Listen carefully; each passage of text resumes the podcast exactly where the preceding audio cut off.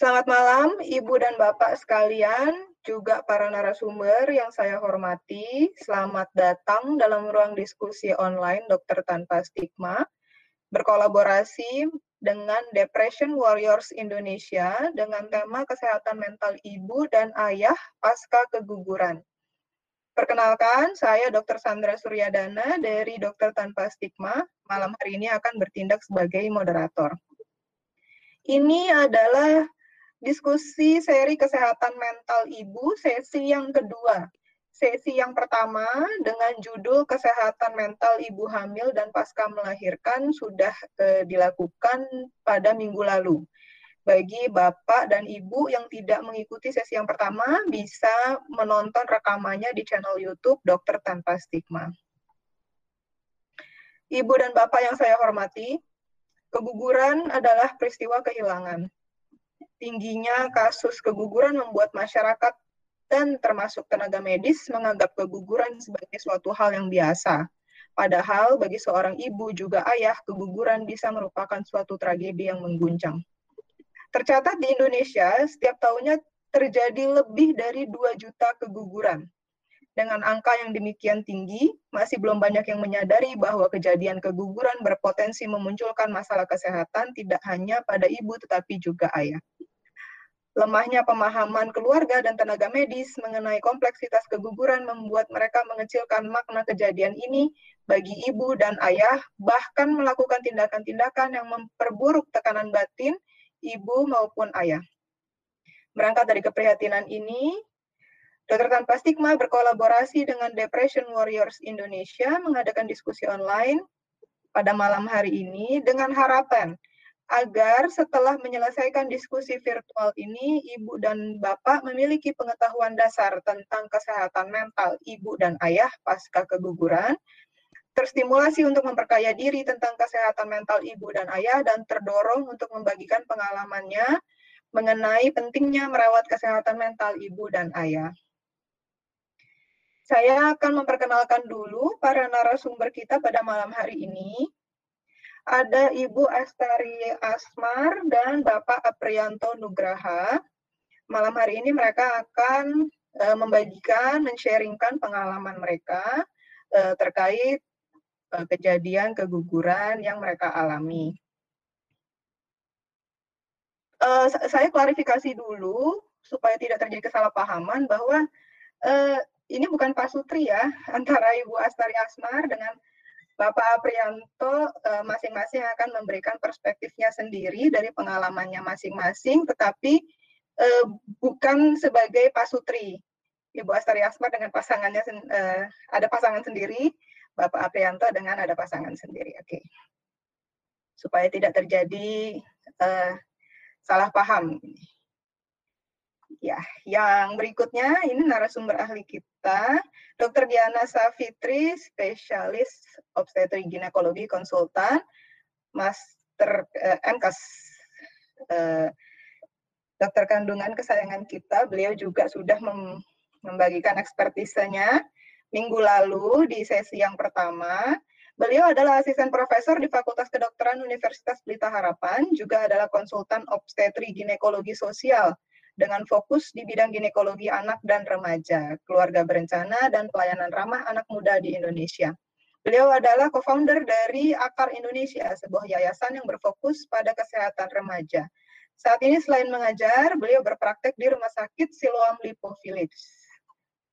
Terima kasih Dr. Diana sudah sekali lagi mau membagikan ilmunya kepada kita.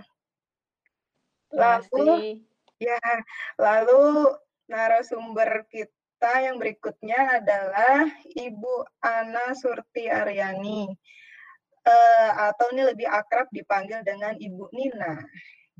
Beliau adalah psikolog yang sangat berminat terhadap dunia anak dan keluarga.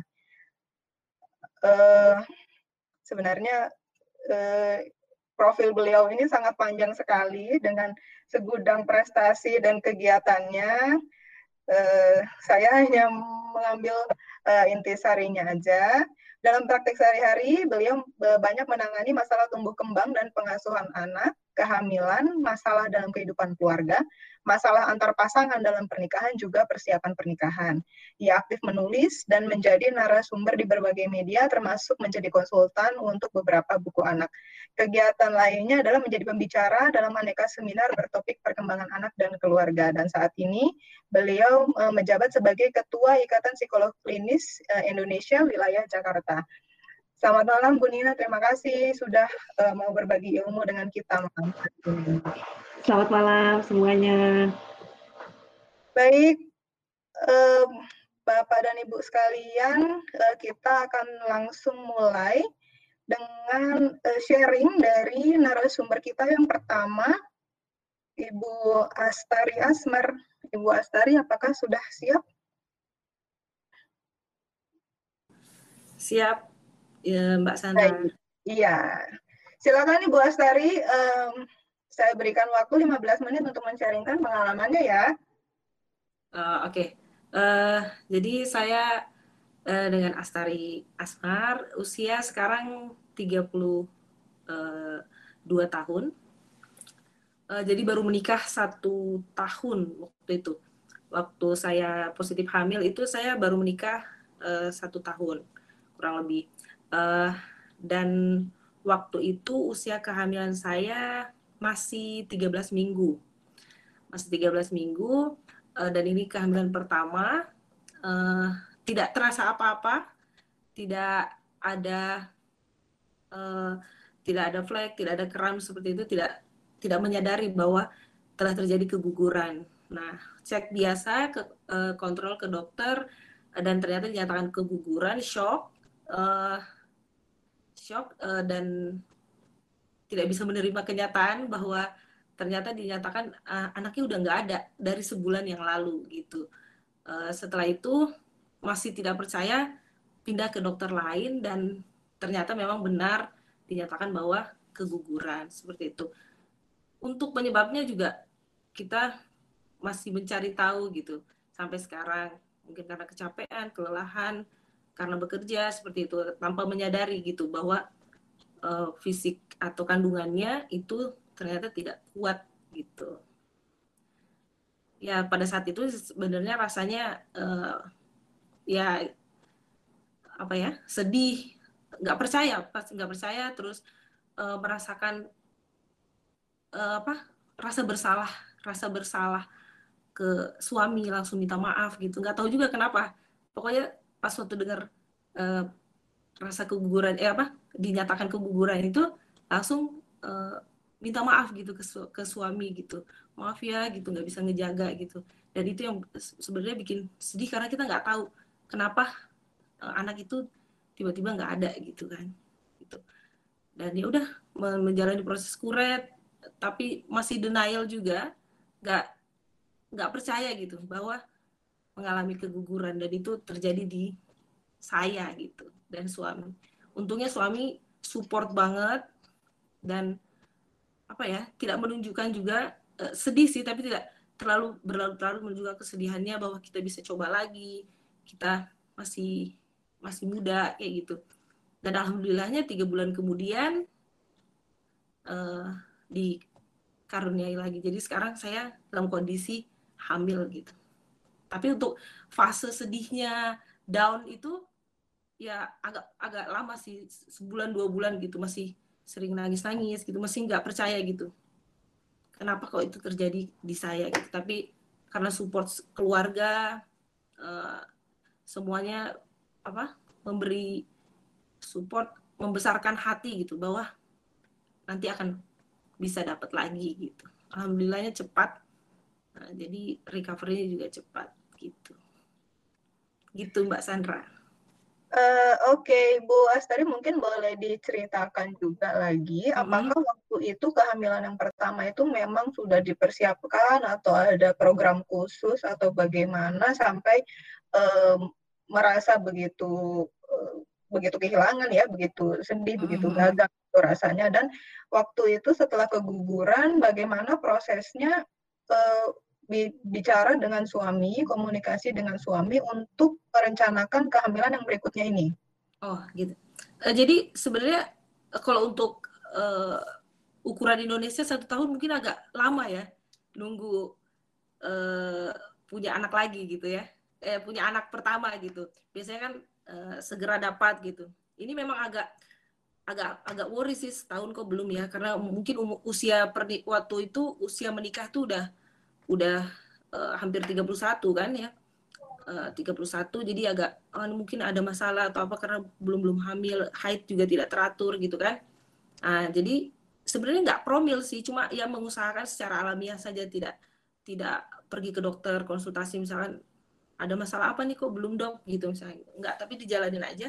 Alhamdulillah satu tahun itu uh, dapat gitu. Jadi sebenarnya nggak promil tapi tetap berusaha sendiri lah gitu berusaha sendiri uh, memang ditunggu juga memang nah terus uh, apa tadi pertanyaan kedua mbak Sandra uh, ini untuk merencanakan kehamilan yang berikutnya ini oh. apakah ada menjarakkan atau bagaimana komunikasi dengan suami Oh ya menjarak. Jadi kan pasca kuret itu memang tidak diperbolehkan untuk hamil dulu selama tiga bulan kan dari dokter. Jadi memang kita tidak uh, uh, Mas Anifas itu memang tidak boleh uh, hamil dulu karena uh, harus mengembalikan ukuran uh, kandungan dulu gitu ya rahimnya. Seperti itu itu alasan medis lah seperti itu alasan kesehatan dari dokter bahwa kita tidak boleh hamil tiga bulan. Jadi kita nurut sama dokter. Nah setelah akhir uh, bulan ketiga itu ya kita mulai ini mulai coba lagi gitu mulai coba aja gitu tanpa ini sih tanpa tidak tidak ada komunikasi bilang oh kita harus dapatnya segera atau apa gitu.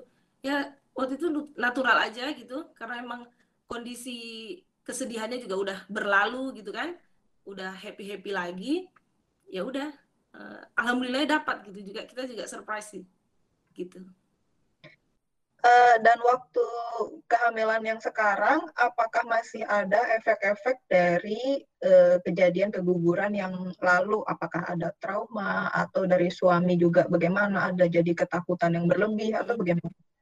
Kalau dari saya jadi efek trauma sebenarnya. Kalau dari saya ya, kalau suami sih enggak.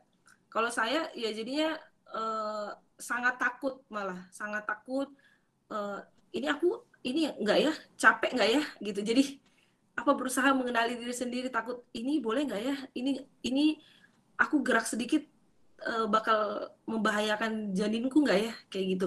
Dan di periode kehamilan ini justru flek kayak gitu. Keram-keram sampai bed rest lama juga kan. Jadinya uh, apa istilahnya parno gitu kalau orang orang awam bilangnya parno. Sedikit-sedikit ngelihat di uh, pakaian dalam gitu ada flag nggak ya gitu. Dan maunya tuh jadi tiap minggu pengen USG gitu. Anaknya sehat nggak ya gitu. Jadi insecure banget gitu. Gara-gara uh, kehamilan pertama kemarin gugur gitu. Lalu dari uh, suami dan keluarga supportnya gimana perbandingannya antara dari kehamilan yang pertama yang kemudian gugur dengan yang sekarang ini nih? Uh, supportnya sih sama ya semuanya uh, apa ya me menguatkan. Yang pertama kan karena emang uh, cuma tiga bulan ya cuma tiga bulan uh, apa namanya kehamilannya. Jadi ya waktu itu ya senang dan support setelah keguguran support banget keluarga suami keluarga keluarga saya gitu mensupport uh, 100% tidak ada yang menyalahkan juga gitu kan Nah, kehamilan ini malah lebih berhati-hati gitu dari dari kedua keluarga. Jadi uh, mama, papa, uh, mertua itu lebih apa ya? perhatian lagi gitu. Ini nggak boleh ya, nanti jangan capek-capek ya. Selalu mengingatkan seperti itu. Suami juga lebih care banget, lebih care banget, ngurusin sekali gitu. Semua dari makan, kontrol ke dokter dan segala macam kayak gitu. Jadi malah lebih ini lebih siaga gitu. Oke, okay. uh, eh, kira-kira apa uh, ada lagi yang mau ditambahkan dari Mbak Astari berkaitan dengan uh, kesehatan mentalnya nih untuk menjadi sebentar lagi mau jadi uh, orang tua. Amin, Insya Allah. Ya sebenarnya itu uh, karena orang tiap orang pasti beda-beda yang menanggapi uh, kesedihan ini termasuk ke, mungkin ke, beberapa wanita merasa dirinya jadi gagal gitu kan. Kalau kita ke e, merasa apa namanya habis kena musibah keguguran seperti itu. Untuk mengembalikan kembali itu e, sebenarnya dukungan dari pasangan itu paling paling e, apa ya paling berarti gitu. Kalau pasangan udah support udah kita semangat lagi gitu.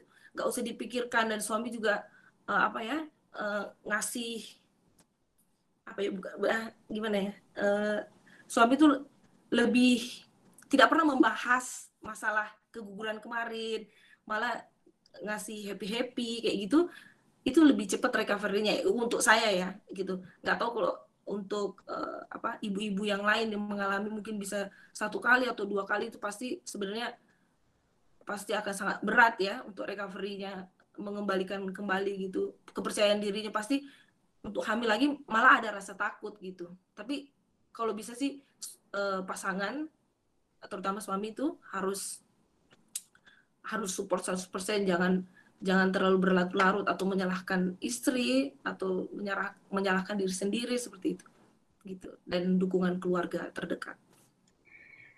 Oke, ada yang uh, bertanya ini untuk Mbak Astari. Sekarang usia kehamilannya berapa, Mbak? Berapa minggu? Oh, sekarang sudah empat bulan, alhamdulillah. Sekarang udah masuk empat bulan ya.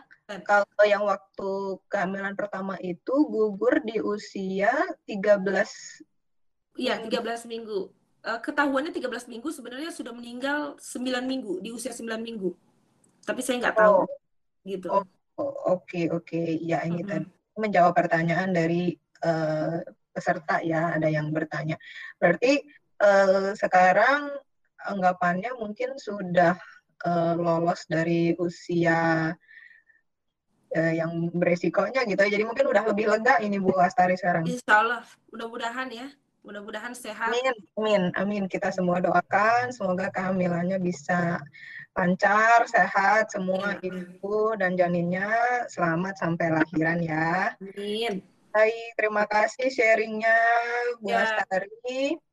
Kita berpindah ke Bapak Aprianto. Apakah sudah uh, siap? Ya, halo. Ya, selamat malam. Uh, silakan Pak Prianto untuk menceritakan pengalamannya. Saya beri waktu 15 menit ya. Oke, uh, saya Prianto. Biasanya dipanggil Anto.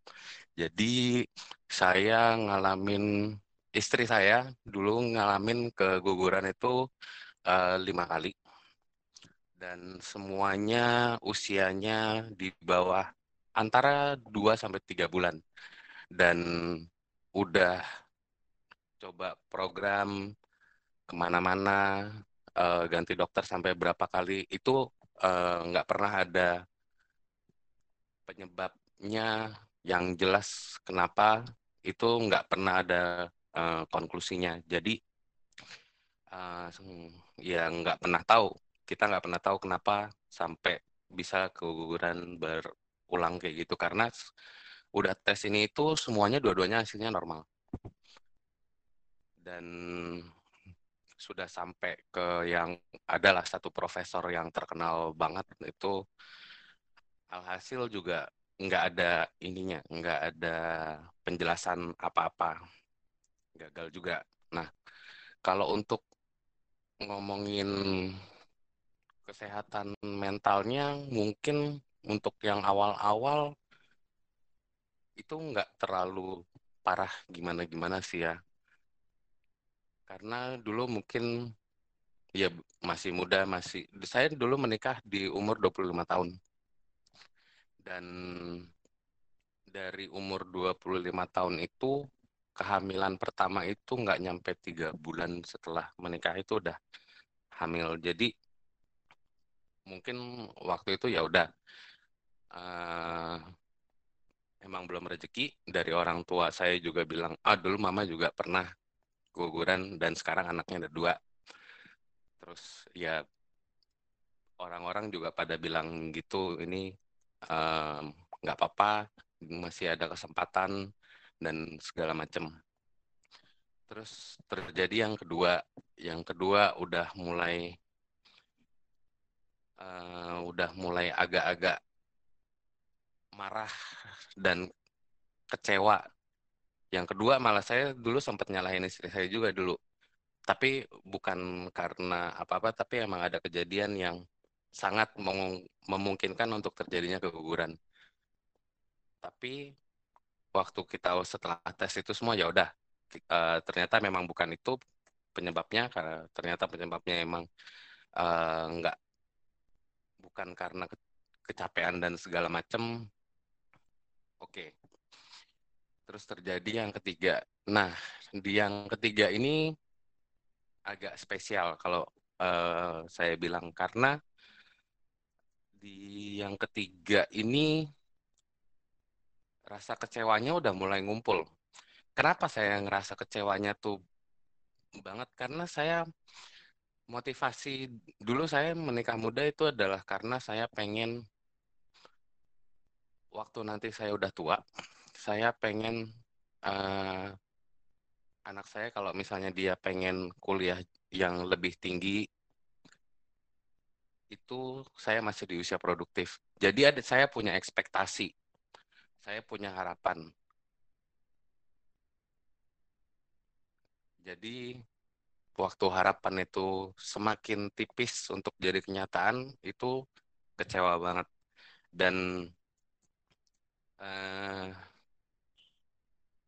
mungkin saya kasih tahu ini yang nggak banyak orang tahu juga cuman waktu udah keguguran berulang gitu banyak orang yang lebih fokus sama istrinya banyak orang yang lebih fokus untuk dukung ibunya. Banyak yang lupa kalau yang kehilangan tuh dua orang loh. Dan uh, ada satu kayak semacam apa ya semacam tekanan untuk suami itu untuk ngedukung suami eh untuk ngedukung istri sorry tapi siapa yang ngedukung suami wah dulu yang keguguran ketiga ini saya juga tetap gitu. Uh, saya juga tetap berusaha tegar. Saya tetap nggak pernah saya nunjukin kekecewaan saya, kemarahan saya, bukan kemarahan sama istri ya, tapi kemarahan sama keadaan. Saya nggak pernah nunjukin emosi yang bagaimana-bagaimana lah di depan istri. Cuman untuk yang ketiga ini dulu udah parah, jadi alhasil uh, waktu itu siang-siang uh, di dulu saya yang ketiga ini di Rumah Sakit Hermina Bekasi. Nah, waktu siang-siang itu pas uh, waktu itu istri saya lagi tidur, saya keluar. Saya keluar ke depan rumah sakitnya itu, pinggir jalan saya nangis jadi-jadinya. Jadi saya duduk, di depan gerbangnya itu dan Hermina Bekasi itu di sebelah mall loh udah saya udah kayak gembel orang gila aja itu waktu itu dan waktu itu uh, kebetulan datang teman-teman uh, saya waktu kuliah mereka yang lihat saya tuh lagi dalam keadaan kayak gitu waktu itu. Jadi uh, itu saya sangat terima kasih banget sama teman-teman kuliah saya yang saya nggak tahu lah itu uh, pokoknya momennya tuh pas banget. Nah, terus udah uh, terjadi lagi yang keempat yang keempat lagi lebih spesial lagi. Karena keempat itu setelah saya uh, program sama profesor yang tadi saya bilang itu wah itu biaya udah keluar banyak. Uh, dan ternyata nggak jadi juga. Dan yang di situ yang saya lihat waktu itu istri saya saya itu nggak nggak mau terima kalau dia udah keguguran lagi. Jadi walaupun sudah nggak ada, tapi dia tetap uh, bersikukuh kalau masa sih nggak ada nggak ada jalan lain, masa sih uh, udah nggak ada, masa sih gagal lagi. Coba cari second opinion, dia masih mau second opinion. Dan itu yang benar-benar bikin saya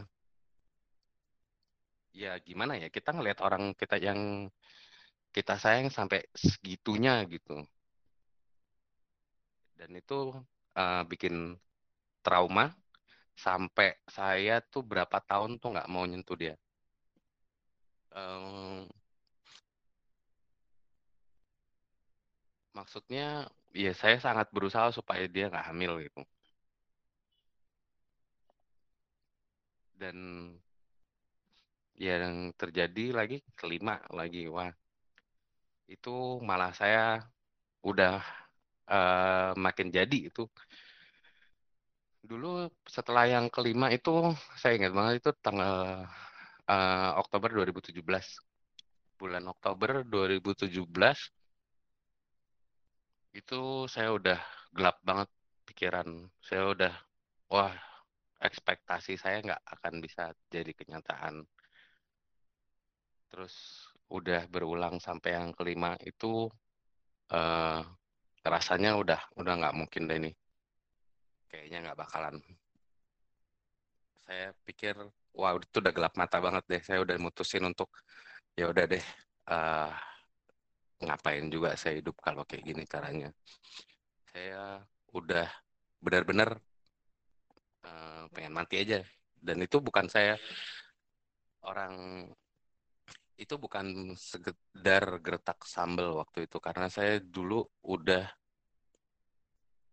saya udah nulis surat dan saya sudah uh, berusaha menyelesaikan urusan yang saya belum selesai.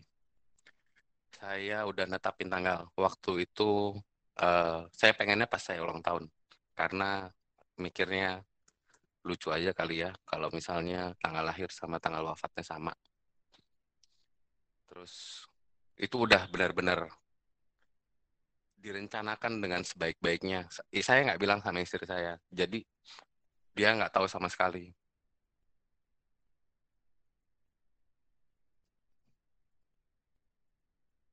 Mungkin kalau pengalaman keguguran dan hubungannya sama kesehatan mental, mungkin itu kali ya Mbak Sandra ya. Oke, uh, Pak Anto mungkin boleh diceritakan uh, dari kejadian-kejadian itu, keguguran itu, terus sampai sekarang kondisi kesehatan mentalnya bagaimana, Pak? Pengalaman itu nggak akan pernah hilang buat saya. Sampai sekarang, uh, alhasil saya se sudah cerai dengan istri saya, tapi bukan karena keguguran ini, jadi emang ada masalah yang lain. Dan akibatnya dari situ sampai saat ini saya nggak mau punya anak lagi. Saya uh, juga nggak mau menikah lagi. Dan saya kalau misalnya ada orang kantor atau siapalah temen punya anak kan biasanya pada nengok tuh. Nah, saya nggak mau. Bahkan kakak saya sendiri punya anak bayi. Uh, saya terus memutuskan untuk saya uh, harus keluar dari rumah. Karena setelah pasca cerai kan saya balik ke rumah orang tua lagi untuk sementara. Dan pas itu, pas kakak ipar saya itu emang sedang sedang hamil. Dan saya pokoknya nggak mau ngeliat bayi aja. Gitu kali Mas Sandra. Tapi apakah sudah ada eh, cara-cara uh, atau uh, langkah atau solusi apa yang dilakukan untuk bisa merasa lebih baik untuk merasa lebih baik, sekarang saya rasanya memang sudah lebih baik. Tapi kalau misalnya untuk menikah dan punya anak lagi, saya rasa enggak.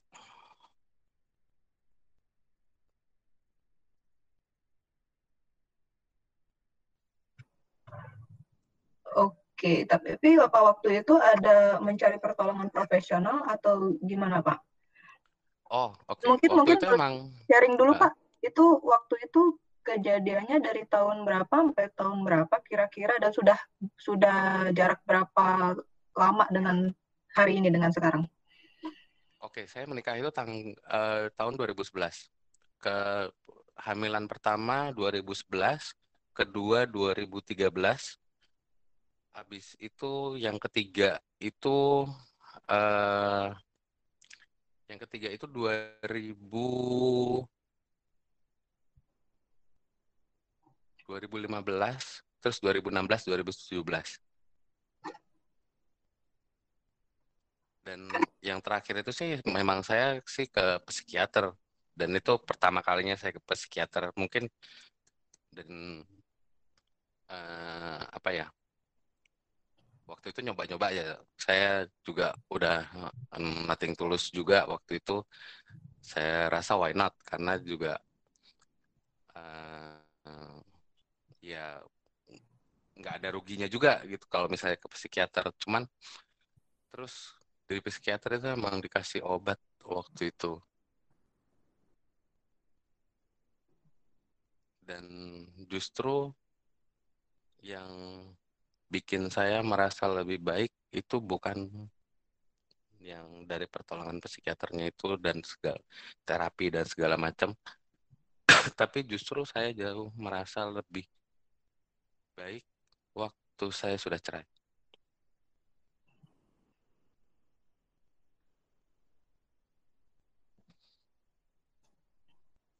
Gitu Mas Andra. Oke. Uh, kira-kira ada lagi Pak yang mau ditambahin? Masih ada waktu menit. Saya mungkin mau pesan aja sama semua yang dengerin di sini dan mungkin pernah ngalamin keguguran uh, tolong jangan lupa sama suaminya. Suaminya mungkin kelihatan tegar, tapi nggak ada yang tahu di belakangnya kayak apa.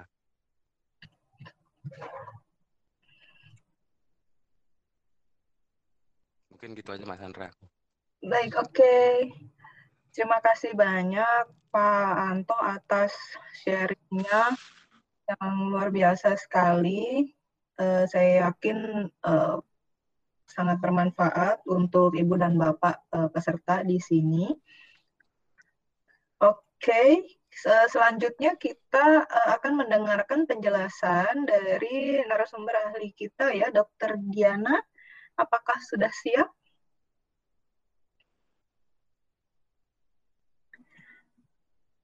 Baik, ya. Malam, Dok. Suaranya masih belum terdengar, Dok.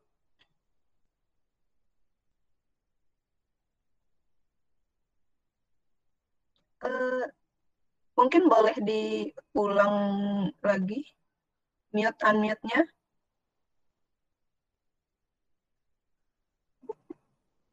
Belum dok, belum belum masuk suaranya. Padahal udah udah nggak di mute sih.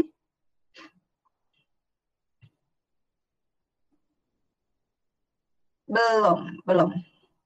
Atau mungkin dokter Diana uh, keluar dulu, nanti masuk lagi biasanya pengaruh apa ini? Pengaruh uh, sinyal ya?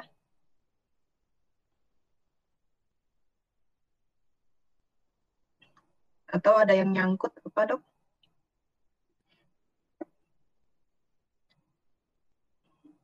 Dokter Diana boleh boleh uh, lift dulu mungkin, lift dulu. Ya, uh, sambil uh, kita menunggu Dokter Diana, saya siapkan dulu presentasinya Dokter Diana ya. Jadi Dokter Diana akan menjelaskan kepada kita uh, dari aspek medis, aspek medis keguguran dan uh, bagaimana uh, tenaga medis juga keluarga dan masyarakat bisa berperan dalam kesehatan mental ibu dan ayah pasca keguguran. Oke, okay. bagaimana Dokter Diana? Uh, gimana? Apa sudah kedengaran? Ya, sudah dok. Oke, okay, good. Silakan dok, Terima waktunya 20-25 menit ya dok. Baik. Terima kasih Mbak Sandra yang sudah tampak cantik dengan wajah barunya. Terima kasih dok. Terima kasih juga, saya sangat mengapresiasi uh, tadi sharing dari Bu Astari dan juga Pak Prianto. Uh, luar biasa sebetulnya kalau saya pribadi sebagai tenaga medis memang tidak pernah punya banyak waktu untuk ngobrol-ngobrol mendengarkan cerita panjang dari pasiennya jadi mendengarkan cerita tadi, apalagi uh, bukan cuma satu kasus tapi juga uh, berulang seperti Pak Aprianto kan dengan berganti-ganti dokter tentunya jarang ada dokter yang terus tahu semua ceritanya. Saya sangat mengapresiasi keberanian Bapak untuk bercerita dan juga Ibu Astari. Uh, selamat atas kehamilan yang sekarang. Baiklah, mudah-mudahan apa yang saya jelaskan malam hari ini boleh uh, sedikit menjawab kegalauan hati dan juga buat teman-teman yang lain yang hadir di sini juga bisa menambah wawasan. Uh, saya diminta untuk bicara tentang aspek medis dari keguguran dan nanti mungkin kita akan bicara sebetulnya bagaimana sih peran tenaga medis. Memang kalau peran tenaga medis uh, spesifik pada tenaga medis ya di hari ini saya kemarin bilang sama Dokter Sandra izin mengajak murid-murid uh, saya dari Fakultas Kedokteran UPH untuk juga boleh ikut hadir di sini mendengarkan diskusi kita. Jadi buat teman-teman yang lain boleh numpang curhat di sini supaya nanti calon-calon dokter kita di masa depan juga punya wawasan yang berpihak terhadap pasien. Next. Baik, keguguran atau kita sering menyebutnya abortus. Di Indonesia memang kita agak mengurangi kata aborsi karena aborsi nantinya akan mengarah pada proses yang dilakukan sengaja. Sedangkan kalau keguguran atau abortus itu kita mau membahas tentang kejadian keguguran yang tidak disengaja. Eh, berakhirnya kehamilan atau sebuah uh, janin sebelum janin tersebut dapat lahir di luar, yaitu sebelum usia kehamilan 20 minggu atau berat janin ketika ditimbang lahir itu kurang dari 500 gram. Seperti tadi diceritakan oleh Bu Astari dan juga Pak Aprianto, ke, memang kejadiannya 80% lebih di trimester 1 atau di 12 minggu pertama. Kita tadi lihat di situ bisa sampai 20 minggu, jadi hmm, masih sampai 20 minggu masih akan tetap disebut keguguran. Ini sebetulnya cukup banyak terjadi, 15 sampai 20% dari seluruh kehamilan kalau tidak ditangani dengan baik, memang kejadian keguguran ini sendiri bisa menyebabkan kematian akibat kehilangan darah. Keguguran atau abortus dapat bersifat spontan, seperti yang tadi diceritakan oleh Bu Astari dan juga Pak Aprianto, ataupun dengan induksi. Induksi itu maksudnya ditemukan adanya kelainan, ditemukan adanya masalah, kemudian kita pakat untuk mengeluarkan bayinya. Maka itu disebut induksi. Next. Ini macam-macam keguguran yang bisa terjadi. Ini biasanya diagnosis dokternya biasanya. Yang pertama adalah abortus imminens atau keguguran eh, terancam keguguran. Jadi kalau dilihat di sini bayinya masih hidup, masih tenang di dalam kandungan, kemudian masih utuh kantong kehamilannya, hanya ada perdarahan. Ini namanya terancam keguguran. Bisa jadi gugur, bisa juga enggak. Kalau yang sudah ada, kalau diperiksa dalam kemudian sudah ada bukaan, kemudian uh, janinnya itu masih ada, atau maksudnya sudah di tengah-tengah tuh antara mau keluar, itu disebut abortus incipiens atau yang sedang berlangsung. Abortus incomplete itu biasanya uh, pasien akan mengeluh sudah keluar jaringan di rumah. Jadi bukan cuma darah, tapi juga jaringan, uh, tetapi masih banyak sisanya di dalam. Abortus incomplete inilah yang paling sering kemudian uh, diambil tindakannya kuretase. Abortus komplit ini biasanya keluar semuanya begitu saja, nanti pada saat diperiksa sudah bersih di dalam. Nah, kalau yang miss abortion, ini saking nggak tahunya hamil, janinnya atau uh, hasil konsepsinya tertahan sampai lebih dari 13 minggu, tapi uh, tidak haid-haid biasanya. Disebut miss abortion. Ini nice to know aja, nggak usah dihafalin, tapi ini berbagai uh, kondisi yang kita sebutnya keguguran. Next. Nah, ini kalau kita bicara faktor resiko ada tiga uh, komponen sebetulnya yang berpengaruh dalam sebuah kehamilan. Paternal atau faktor ayah, maternal atau faktor ibu, dan faktor fetal. Sebetulnya di trimester pertama, di uh, di 12 minggu pertama, itu yang paling sering, lebih dari 50% itu penyebab kegugurannya adalah janinnya itu sendiri. Kelainan kromosom. Jadi janinnya itu sebetulnya istilahnya cacat, tidak layak, tidak mampu tumbuh, tidak mampu hidup, sehingga dia gugur dengan sendirinya. Biasanya begitu kalau yang uh, di trimester pertama. Faktor ibu juga ada, selain tadi faktor janin, faktor ibu seperti uh, kondisi penyakit kronis, misalkan ibunya punya gangguan diabetes atau masalah tiroid, atau misalkan ibunya merokok, kemudian menggunakan obat-obatan terlarang atau nafsah, atau bisa juga uh, misalkan ibunya bekerja di tempat yang terkena radiasi ataupun lingkungannya itu mengandung banyak zat kimia. Jadi misalkan pekerja pabrik atau yang lingkungan tempat tinggalnya uh, dekat dengan limbah itu sering kali juga bisa berisiko untuk terjadinya keguguran. Kemudian yang sering disebut-sebut dan mungkin teman-teman banyak dengar juga faktor imunologis atau penolakan ibu terhadap janin. Itu yang sering menyebabkan keguguran berulang. Uh, Berikutnya anatomis. Kalau anatomis itu maksudnya kelainan bentuk rahim uh, itu atau si mulut rahimnya tidak mampu menahan uh, si janinnya di dalam sehingga keluar sebelum waktunya. Kalau yang anatomis memang paling sering terjadi kegugurannya itu di uh, akhir, jadi menjelang 20 minggu. Gitu. Kemudian kalau faktor paternal memang uh, hubungannya dengan kromosom juga, tapi sedikit sih, nggak banyak. 95% dari faktor ibu, 5% dari faktor bapak. Next. Ini agak terlalu teknis, tapi yang mau saya sampaikan di sini adalah ada kegagalan kehamilan atau keguguran yang kurang dari enam minggu dan itu sama sekali tidak diketahui hamil biasanya. Jadi tahu-tahu sudah gugur aja begitu aja.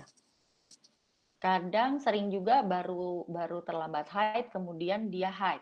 Baru misalnya terlambat seminggu, terus kemudian dia berdarah. Jadi sering kali orang menganggap, oh iya saya uh, haid, cuman haidnya agak telat nih gitu. Itu juga uh, mungkin saja jadi sebetulnya kegagalan biokimiawi atau preembryonik masuk keguguran. Tapi memang yang ini agak uh, sulit tercatat. Nah, yang paling sering tercatat adalah yang uh, kegagalan kehamilan dini atau embrionik yang 6 sampai 8 minggu. Itu yang tadi diceritakan kan dua-duanya sekitar 2 2 3 bulan ya. Jadi yang ini uh, mungkin. Ini ada yang sudah ada janinnya, kemudian uh, kemudian meninggal atau yang uh, belum ada janinnya. Nah, kalau yang uh, sering disebut blighted ovum, mungkin sering dengar BO, atau ada hamil kayak telur tapi kosong, nggak ada janinnya, itu yang disebut unembryonic pregnancy. Itu juga sama, termasuknya kegagalan kehamilan dini.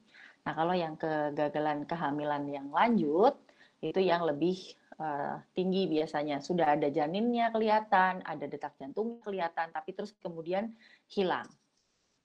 Kemudian bayinya meninggal di dalam. Next. Ini yang tadi saya sebutkan. Ada banyak sebetulnya penyebab keguguran itu. Kalau yang preembrionik dan embrionik itu, yang paling sering adalah kelainan kromosom. Maka pemeriksaannya ya pemeriksaan kromosom memang. Eh, apakah setiap kali kelainan kromosom itu kemudian berlanjut pada kehamilan berikutnya, lalu kelainan lagi, kehamilan berikutnya, kelainan lagi? Sebenarnya enggak juga. Karena kromosom itu kan dibawa oleh sel telur dan sel sperma. Mungkin iya, mungkin juga tidak. Jadi itu tidak selalu.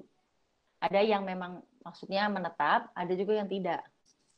Nah, kalau kelainan hormon bisa juga uh, yang sering disebut uh, kekurangan hormon. Makanya kalau misalkan hamilnya keguguran, terancam keguguran, sering dikasih hormon progesteron obatnya. Itu yang pada kelainan hormon. Atau uh, kelainan endometrium atau kelainan rahimnya, atau tadi kelainan imunologis yaitu kekebalan tubuh. Jadi yang fungsinya si ibu menolak bayinya. Uh, yang kedua jadi keguguran janin itu yang tadi saya bilang paling sering atau paling populer disebut antifosfolipid syndrome mungkin sering dengar APS itu uh, termasuk kelainan imunologis sebetulnya atau gangguan da eh, pembekuan darah itu trombofilia. Nah, kalau yang trimester kedua yang di atas uh, eh, 14 minggu atau 12 minggu itu yang kelainan anatomis atau yang kelemahan serviks. Jadi ada tuh beberapa kondisi di mana rahimnya itu bentuknya tidak normal. Ada yang dua, ada yang ada sekatnya, itu ada yang eh, besar sebelah. Nah, itu bisa menyebabkan keguguran di trimester kedua. Atau kelemahan serviks tadi, si serviksnya tuh tidak mampu menahan sampai 9 bulan. Jadi gugur di trimester kedua. Terlalu teknis, kita lewatkan. Ini beberapa prosedur yang kalau pernah merasakan keguguran pasti pernah merasakan ini. Dicari ultrasound, di scan USG-nya, terus disuruh periksa lab, air kencing, air kencing tidak terdeteksi, suruh periksa dari darah, eh, kemudian diperiksa dalam, ada pembukaan atau tidak, dilihat perdarahannya datangnya dari mana, kemudian uh, dicari juga ada nggak detak jantungnya dari si USG itu. Ya, tentunya ini serangkaian proses yang uh, dilakukan untuk memastikan apakah betul terjadinya keguguran. Sebetulnya buat buat kami tenaga medis tidak mudah mendiagnosis keguguran. Apalagi kalau misalkan uh, datang nih kontrol, baru kelihatan kantung. Oh iya kelihatan kantung. Nanti datang ya dua minggu lagi. Dua minggu datang aduh kok kantongnya masih sama aja ya besarnya nih, kok kayaknya nggak ada juga nih janinnya. Itu bisa lama sekali kita USG, cari lagi, geser kanan, geser kiri, nih uh, apa janinnya ada di sebelah ujung mana, sampai kita cariin berkeliling. Padahal sebenarnya kalau kehamilan yang biasa, itu begitu ketemu, biasanya langsung kelihatan kok nempelin USG, kelihatan, kelihatan janinnya gitu. Jadi kalau pas ketemunya sama yang terancam keguguran, itu biasanya begitu agak lama kita berpikir dulu. Ini benar nggak ya? Benar nggak ya? Benar nggak ya? Next. Ini diagnosis banding saya saya sampaikan di sini tujuannya adalah supaya juga semua tahu bahwa sering ketukar-tukar antara keguguran, hamil anggur, hamil di luar kandungan. Hamil anggur memang kita sebut uh, keguguran juga nantinya, tapi sebetulnya beda. Dia uh, jadi hamilnya itu mengalami kelainan kromosom sehingga tidak bisa ada bayinya bisa tidak, tapi tidak bisa tumbuh biasanya. Sehingga yang muncul adalah gelembung-gelembung seperti telur ikan. Seperti yang kita lihat di gambar di sini uh, isi rahimnya adalah gelembung-gelembung nggak ada janinnya. Itu hamil anggur atau yang disebut molak kalau kehamilan di luar kandungan itu kan kita tahu hamil itu harusnya ada di dalam rongga rahim. Nah, di tempat mana pun selain di dalam rongga rahim itu kita sebut kehamilan ektopik atau di luar kandungan. Dan ini biasanya kehamilan-kehamilan yang ini menyebabkan komplikasi juga di trimester 1 atau di uh, di bawah 20 minggu berupa perdarahan juga, nyeri perut juga. Sama juga hamil anggur biasanya perdarahan juga. Jadi memang um, gejalanya mirip, kemudian nanti setelahnya juga kita anggap sama bahwa ini adalah sebuah kehamilan yang kemudian gugur sehingga disebut keguguran juga. Next. Tentunya tata laksana keguguran ada tiga komponen ini. Yang pertama adalah komponen medis. Sebuah kehamilan yang sudah tidak bisa dipertahankan harus kita keluarkan bisa dengan obat-obatan, bisa dengan tindakan uh, uretase misalkan itu bebas. Tentunya tergantung dari hasil pemeriksaannya. Yang kedua adalah konseling di sini maksudnya konseling untuk perencanaan kehamilan berikutnya. Nanti saya akan bahas setelah ini. Dan yang ketiga adalah dukungan psikologis, karena biar bagaimanapun juga keguguran adalah proses kehilangan, seperti yang tadi uh, sudah diceritakan oleh semuanya. Next. Nah, sebetulnya yang diharapkan dari teman-teman tenaga medis yang juga hadir di sini adalah kita bisa membantu untuk perencanaan kehamilan dan konseling prakonsepsi. Tujuan saya tadi menjelaskan banyak sekali tentang bagaimana keguguran itu bisa terjadi, apa faktor resikonya, itu juga yang sering saya jelaskan kepada pasien-pasien. Karena kebanyakan sama sebetulnya seperti uh, yang dirasakan oleh Bu Astari. Saya yang salah, salah saya apa ya? Kenapa kok saya keguguran? Apa saya terlalu capek? Apa saya karena kemarin naik turun tangga? Atau karena saya salah makan? Atau salah saya nih karena saya nggak tahu hamil? Gitu. Itu sering kali e, ditanyakan kepada saya. Nah, tadi saya jelaskan bahwa sebetulnya banyak sekali eh, faktor-faktor yang mempengaruhi yang bisa menyebabkan Eh, sebuah kehamilan itu gugur. Nah, untuk perencanaan kehamilan berikutnya kita harapkan uh, supaya sebetulnya apa sih alasannya tiga bulan jangan hamil dulu? Uh, sebenarnya dua minggu setelah keguguran selesai atau setelah proses kuretase itu ovulasi sudah muncul lagi. Jadi kalau mau hamil lagi sih bisa. Jadi nifasnya itu tidak selama nifas orang hamil biasa yang pas sampai 40 hari. Enggak. Nifasnya tuh cepat. Dua minggu sudah ovulasi, berikutnya bisa hamil lagi. Jadi kalau mau hamil lagi bulan berikutnya juga boleh. Tetapi seperti yang tadi diceritakan, sudah siap belum? Nanti kalau hamil lagi takut nggak dengan kehamilannya? Bagaimana menghadapi kehamilan berikutnya? Makanya kemudian disarankan untuk memberikan jarak. Bagaimana caranya ya dengan menggunakan kontrasepsi. Diatur. Metode kontrasepsi itu banyak beragam tergantung kebutuhannya. Nah, sambil itu juga kita bisa mencari kira-kira apa ya penyebabnya keguguran yang kemarin. Apakah sesuatu yang mungkin berulang atau sesuatu yang ya kebetulan saja. Kalau misalkan kebetulan saja, mungkin yang berikutnya kita boleh saja langsung hamil lagi. Tapi kalau memang ada faktor resiko tertentu, misalkan diabetes dengan gula darah yang tinggi, maka konseling prakonsepsi itu sangat penting untuk mengoptimalkan kondisi ibu sebelum dia hamil lagi. Next. Terima kasih. Ya, Mbak Sandra. Terima kasih, Dokter Diana, atas penjelasannya. Uh, meskipun uh, teknis-teknis tadi, tapi cukup bisa dipahami oleh kita semua. Uh, juga ada beberapa poin-poin plus yang uh, bisa kita uh, ambil juga sebagai orang awam. Baik, uh, selanjutnya kita akan dengarkan dari Bu Nina ya Bu. Bu Nina sudah siapkah? Sudah, Oke, okay. silakan Bu Nina. Uh, okay. Saya presentasi dari saya ya, saya coba ya. Ya, ya. Uh, waktunya uh, 20-25 menit ya Bu ya. Oke, okay. sudah terlihat kan? Sudah terlihat ininya? Ya, uh, sudah Bu. Oh oke, okay. oke okay, kalau gitu deh. Terima kasih. Selamat malam Ibu Bapak sekalian. Selamat malam Dokter Diana, Dokter Sandra juga, uh, dan teman-teman sekalian ya. Uh, saya malam ini akan mengajak teman-teman untuk me membayangkan ya atau mungkin nantinya juga bisa uh, menghibur dengan lebih tepat gitu ya kepada teman-teman yang memang pernah mengalami keguguran.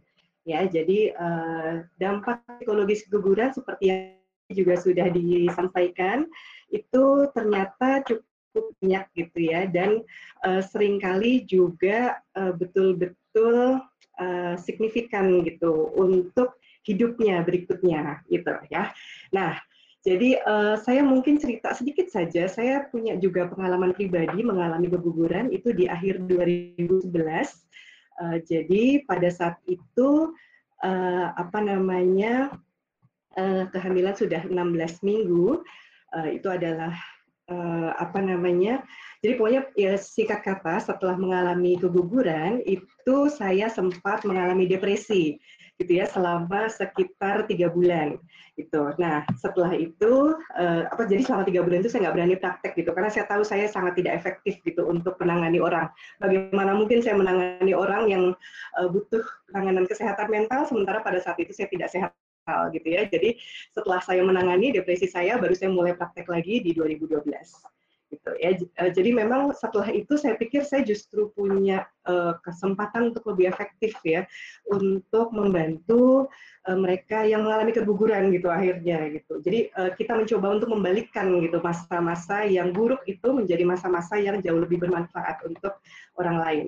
Nah, teman-teman seberapa sering keguguran terjadi? Tadi uh, dokter Diana juga sempat bilang gitu ya 15 sampai 20 persen gitu. Nah, masalah saya mau mengingatkan, jika Anda yang mengalami statistik tuh mau itu satu banding lima, mau satu banding seratus, mau satu banding seribu, itu nggak berarti sama sekali.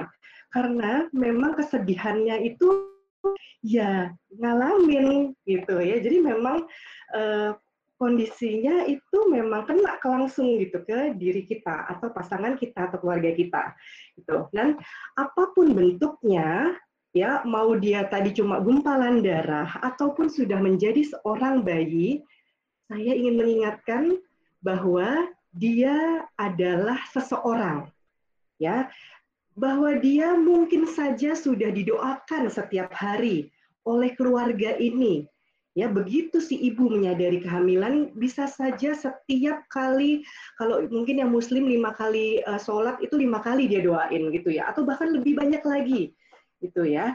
Jadi terus-terusan didoakan sehingga pada saat keguguran terjadi, itu uh, efek psikologisnya menjadi besar gitu. Dan karena dia adalah seseorang, saya tuh selalu ingetin nih kepada teman-teman yang mengalami keguguran ya, termasuk kepada klien-klien, jangan lupa dikasih nama ya. E, bagaimanapun dia seseorang gitu ya, walaupun dia sudah tidak ada lagi ya, dia seseorang gitu. Jadi kasihlah nama gitu. Kalau kalau wah saya udah keguguran tahu udah berapa kali gitu misalnya gitu ya, kasih nama semuanya gitu. Dan saya mau mengingatkan bagaimanapun uh, anak yang kemudian dilahirkan berikutnya bukanlah pengganti dari anak yang keguguran tersebut. Dia adalah individu yang berbeda, bukan individu pengganti. Akan sangat menyakitkan dan efek psikologisnya banyak ketika seseorang hanya dianggap sebagai pengganti dari kakak yang meninggal, gitu misalnya ya. Nah, apa yang sering dirasakan oleh ibu tadi juga sudah disampaikan sebetulnya oleh uh, apa namanya Bu Astari dan Pak Anto tadi dengan sangat baik ya. Awalnya mungkin nggak percaya, ayolah second opinion lah gitu. Itu yang saling Pak sangat sering muncul gitu sebetulnya. Terus kemudian uh, kaget gitu jadinya. Ya, ah serius nih beneran nih, saya ngalamin keguguran jadi hilang nih selama ini. Tuh, sering kali juga kemudian kayak hancur gitu ya. Secara psikologis tuh kita kayak aduh kayak berkeping-keping banget gitu. Dan perasaan bersalah seperti yang tadi Bu Astari muncul itu adalah salah satu kondisi psikologis yang sering sekali muncul setelah seseorang mengalami keguguran. Juga uh, kondisi marah, yang marah besar gitu, seperti juga tadi Pak Anto juga sampaikan gitu ya, ada marah yang uh, sangat besar sekali akibat kekecewaan yang luar biasa gitu duka, duka itu berbeda dari sedih gitu ya. Duka itu adalah tentang kehilangan. Gitu dan itu yang juga sangat sering dialami oleh ibu. Gitu. Terus kemudian uh, sedih gitu. Nah, uh, selain itu kondisi psikologis setelah keguguran itu bisa berarti adalah keluhan somatik ya.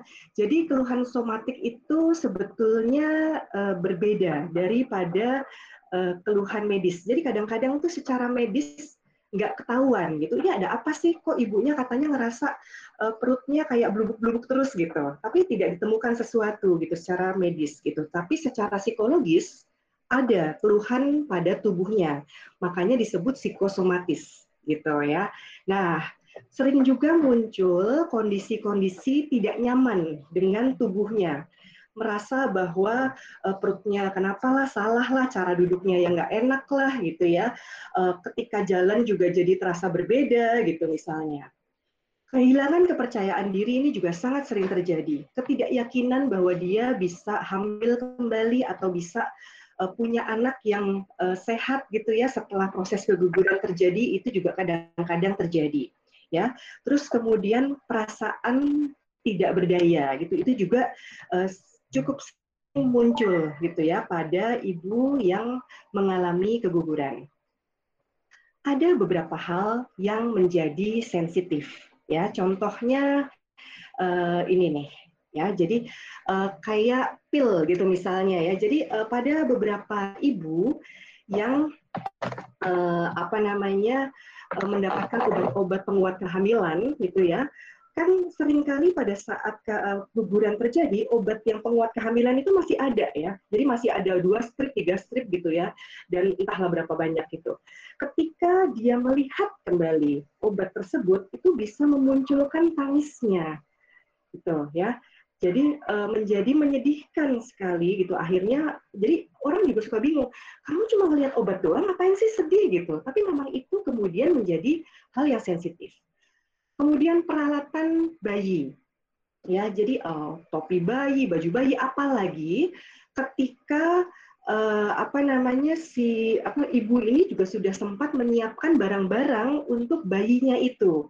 Jadi begitu dia keguguran, maka semua barang yang sudah disiapkan untuk orang mungil yang akan lahir ini itu menjadi sesuatu yang menstimulasi kesedihan dan depresinya.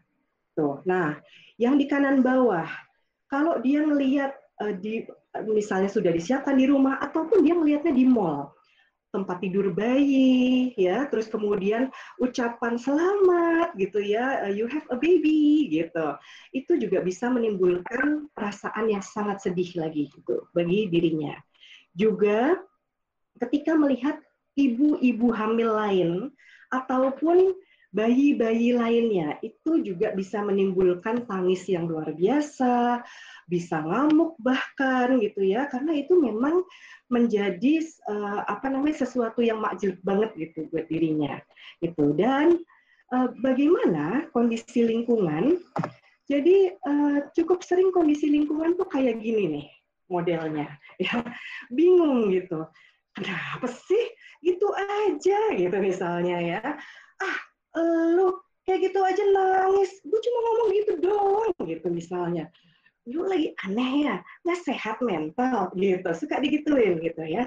Jadi uh, sebetulnya uh, kita sangat perlu mencermati bagaimana uh, kita ketika kita menghadapi orang-orang di sekitar kita yang mengalami keguguran usahakan raut muka kita jangan sampai kayak gini ya. Karena raut muka yang kayak gini ini juga rentan menimbulkan uh, apa namanya kondisi psikologis yang bermasalah lagi sebetulnya. Ya. Nah, dan apa saja akibatnya? Uh, sering sekali terjadi uh, apa namanya ter, uh, depresi ya. Depresi itu adalah kesedihan yang berkepanjangan biasanya lewat dari dua minggu uh, orangnya murung terus gitu ya bisa nangis terus gitu. Kemudian kecemasan, cemas untuk hamil lagi atau uh, cemas untuk apa namanya kalau misalnya lagi hamil, uh, terus kemudian uh, dia cemas uh, apa namanya uh, terus-terusan periksa celana dalamnya gitu misalnya seperti yang tadi diceritakan ya oleh Bu Astari. Terus kualitas hidupnya sering kali berkurang gitu karena kayak misalnya dia jadi nggak bisa tidur terus kemudian dikit-dikit uh, apa uh, nangis dikit-dikit nanya sama orang gitu ya terus kemudian dia mesti membeli sesuatu yang melegakan dirinya gitu dan lain sebagainya. Seringkali juga mengalami stres dengan isu keluarga gitu jadi pertengkaran dengan pasangan ini biasanya juga jadi lebih besar termasuk juga pertengkaran dengan orang tua ataupun mertua ya jadi uh, kalau sampai kemudian setelah keguguran ternyata menjadi lebih banyak pertengkaran lagi, eh, kadang-kadang itu perlu dicermati, perlu ditarik akarnya lagi, apakah memang keguguran itu sesungguhnya salah satu penyebab yang tidak disadari. gitu ya. Terus kemudian sering kali juga muncul pikiran bunuh diri gitu. Ini tentunya tidak pada semuanya ya, tapi memang ada yang um, merasa udah nggak perlu lagi nih gitu. Ini yang tadi uh, Pak Anto sudah menceritakan dengan sangat luar biasa. Terima kasih banyak Pak Anto untuk sharingnya yang itu luar biasa sekali anda punya keberanian yang hebat sekali untuk menceritakan hal tersebut. Terima kasih sekali karena memberikan inspirasi bagi kita semua. Juga Bu Astari, terima kasih banyak karena Anda juga berani sekali untuk menceritakan apa uh, efek dari keguguran tersebut pada Anda dan moga-moga kehamilan yang sekarang bisa berjalan dengan lebih baik lagi gitu ya. Dan uh, ini self esteem terganggu. Self esteem itu adalah bagaimana kita menghargai diri kita, bagaimana kita melihat diri kita, apakah kita itu adalah orang yang berharga atau tidak, gitu ya. Ini juga sering kali terganggu, gitu. Dan ini memang adalah hasil dari uh, penelitian. Ya. Uh, Nah, apakah ada akibat untuk suami? Ya, ternyata uh, sebetulnya penelitian-penelitian pun juga bilang ada loh, gitu ya.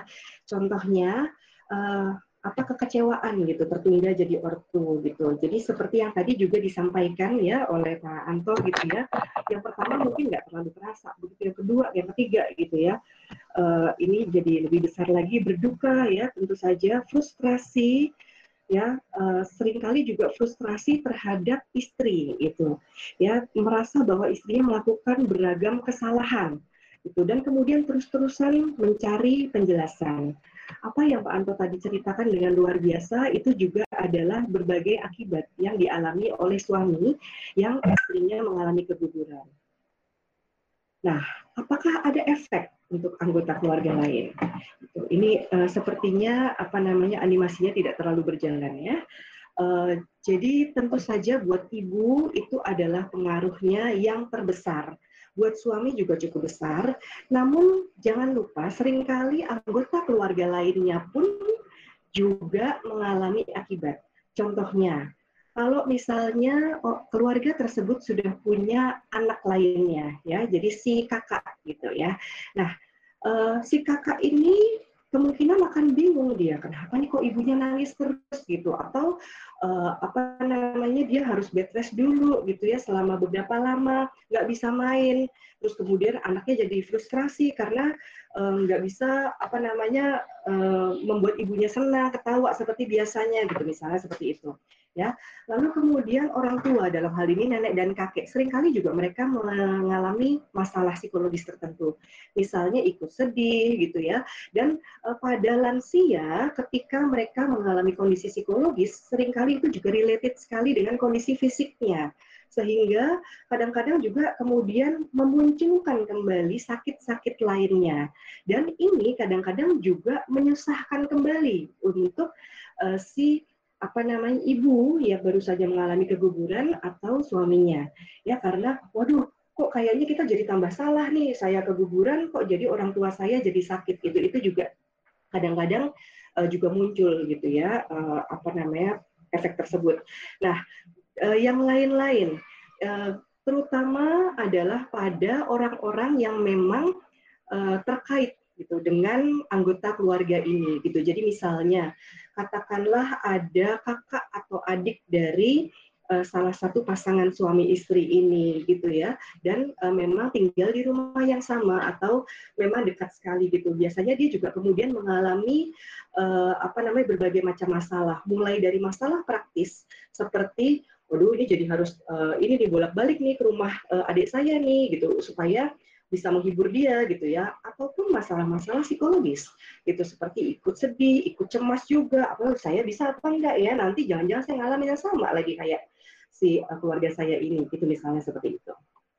Oke ya. Nah tahap-tahap kedukaan uh, ini mungkin teman-teman pernah mendengar ya. Jadi uh, ketika kita mengalami kehilangan ya atau kedukaan itu sering kali nggak langsung uh, nggak kelihatan hanya sebagai duka saja, sedih saja, tapi secara psikologis ada beberapa tahapan ya. Tahapan pertama ya ketika mengalami keguguran itu sering kali adalah mengharap keajaiban gitu ya. Aduh, kayak moga-moga dia hidup lagi. Dia bisa uh, dia bisa kok bertahan kok di dalam perut saya gitu ya. kemudian uh, ketika dia baru ketika dia sadar bahwa oh enggak ya ternyata hilang. Ah nggak mungkin. Ah coba cek lagi ke dokter yang lain. Itu yang kita sebut sebagai tahap tidak percaya atau denial gitu ya.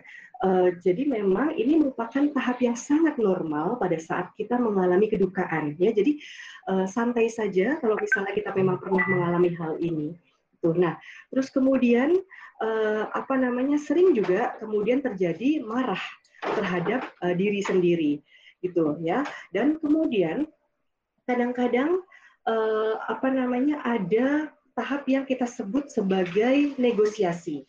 Negosiasi itu sebetulnya adalah semacam kita berusaha nego dengan Tuhan gitu. Tuhan kalau misalnya saya uh, lebih rajin lagi sholat atau lebih rajin lagi uh, ke gereja gitu ya Tuhan mau kan kembalikan lagi anak itu gitu misalnya seperti itu ya. Itu adalah ketika kita uh, seakan-akan berusaha negosiasi gitu. Nah ketika kita tahu bahwa negosiasi kayak marah kayak dan segala macamnya ternyata tidak juga mengembalikan sering kali yang muncul adalah depresi gitu ya. Dan ketika tahap depresi ini lewat maka uh, ibu ataupun siapa pun yang mengalami kedukaan itu kemudian bisa sampai pada tahap acceptance atau menerima ya idealnya uh, ketika seseorang berduka dia sampai pada tahap menerima atau acceptance tapi tidak selalu demikian. Jadi kadang-kadang dia bolak-balik aja, nggak percaya denial, marah lagi, terus negosiasi, depresi, marah lagi, negosiasi, depresi, marah lagi gitu. Itu terus-terusan terjadi gitu ya. Tapi uh, tidak selalu seperti itu juga. Ada juga yang misalnya ya setelah dia selesai dengan denialnya terus dia oke okay, gue terima deh gue terima deh gitu ya. Uh, yang disebut menerima di sini sebetulnya bukan sekedar oke okay, oke okay, saya terima saya terima saya terima gitu. Tapi betul-betul merupakan keikhlasan ya. Yang disebut ikhlas tuh bukan bukan cuma oke okay, gitu ya. Ya udah itu udah terjadi. Bukan itu. Tapi bahwa kita bisa menyadari penuh pengalaman keguguran ini adalah suatu pengalaman baik untuk diri kita, baik untuk orang lain, gitu ya, e, memberikan manfaat gitu sesungguhnya. Walaupun kita mungkin nggak tahu itu manfaatnya apa, tapi ketika kita betul-betul menyadari, oke, okay, saya menerima Tuhan bahwa kondisi ini memang terjadi pada saya, bahwa ini memang memberikan kebaikan buat saya, entah apa pun itu. Itulah yang kita sebut tahap menerima atau tahap keikhlasan atau acceptance. Ya. Nah, apa yang dibutuhkan? Jadi sesungguhnya memang orang selalu bilang gini, yang dibutuhkan itu dukungan. Namun sesungguhnya bukan cuma dukungan, namun berproses bersama. Ya, yang disebut berproses bersama, ya terutama kalau buat suami gitu misalnya, itu nangis bareng. Nangis bareng itu salah satu yang uh, pada banyak kasus membantu si ibu untuk uh, apa namanya merasa bahwa oke okay, duka saya tuh bukan hanya saya yang ngalamin ya tapi suami saya juga ngalamin. Orang tua juga bisa berproses bersama dengan misalnya ikut sibuk bareng atau termasuk juga tadi nangis bareng.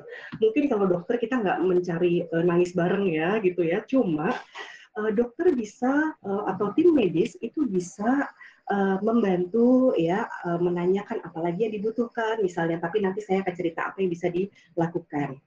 Tuh. Nah, uh, pada saat kita uh, mendukung dan berproses bersama dengan si ibu, penting sekali bagi kita untuk memperhatikan tadi itu raut muka. Jangan sampai raut muka itu segitu nyebelinnya, menantang, ngeselin gitu ya.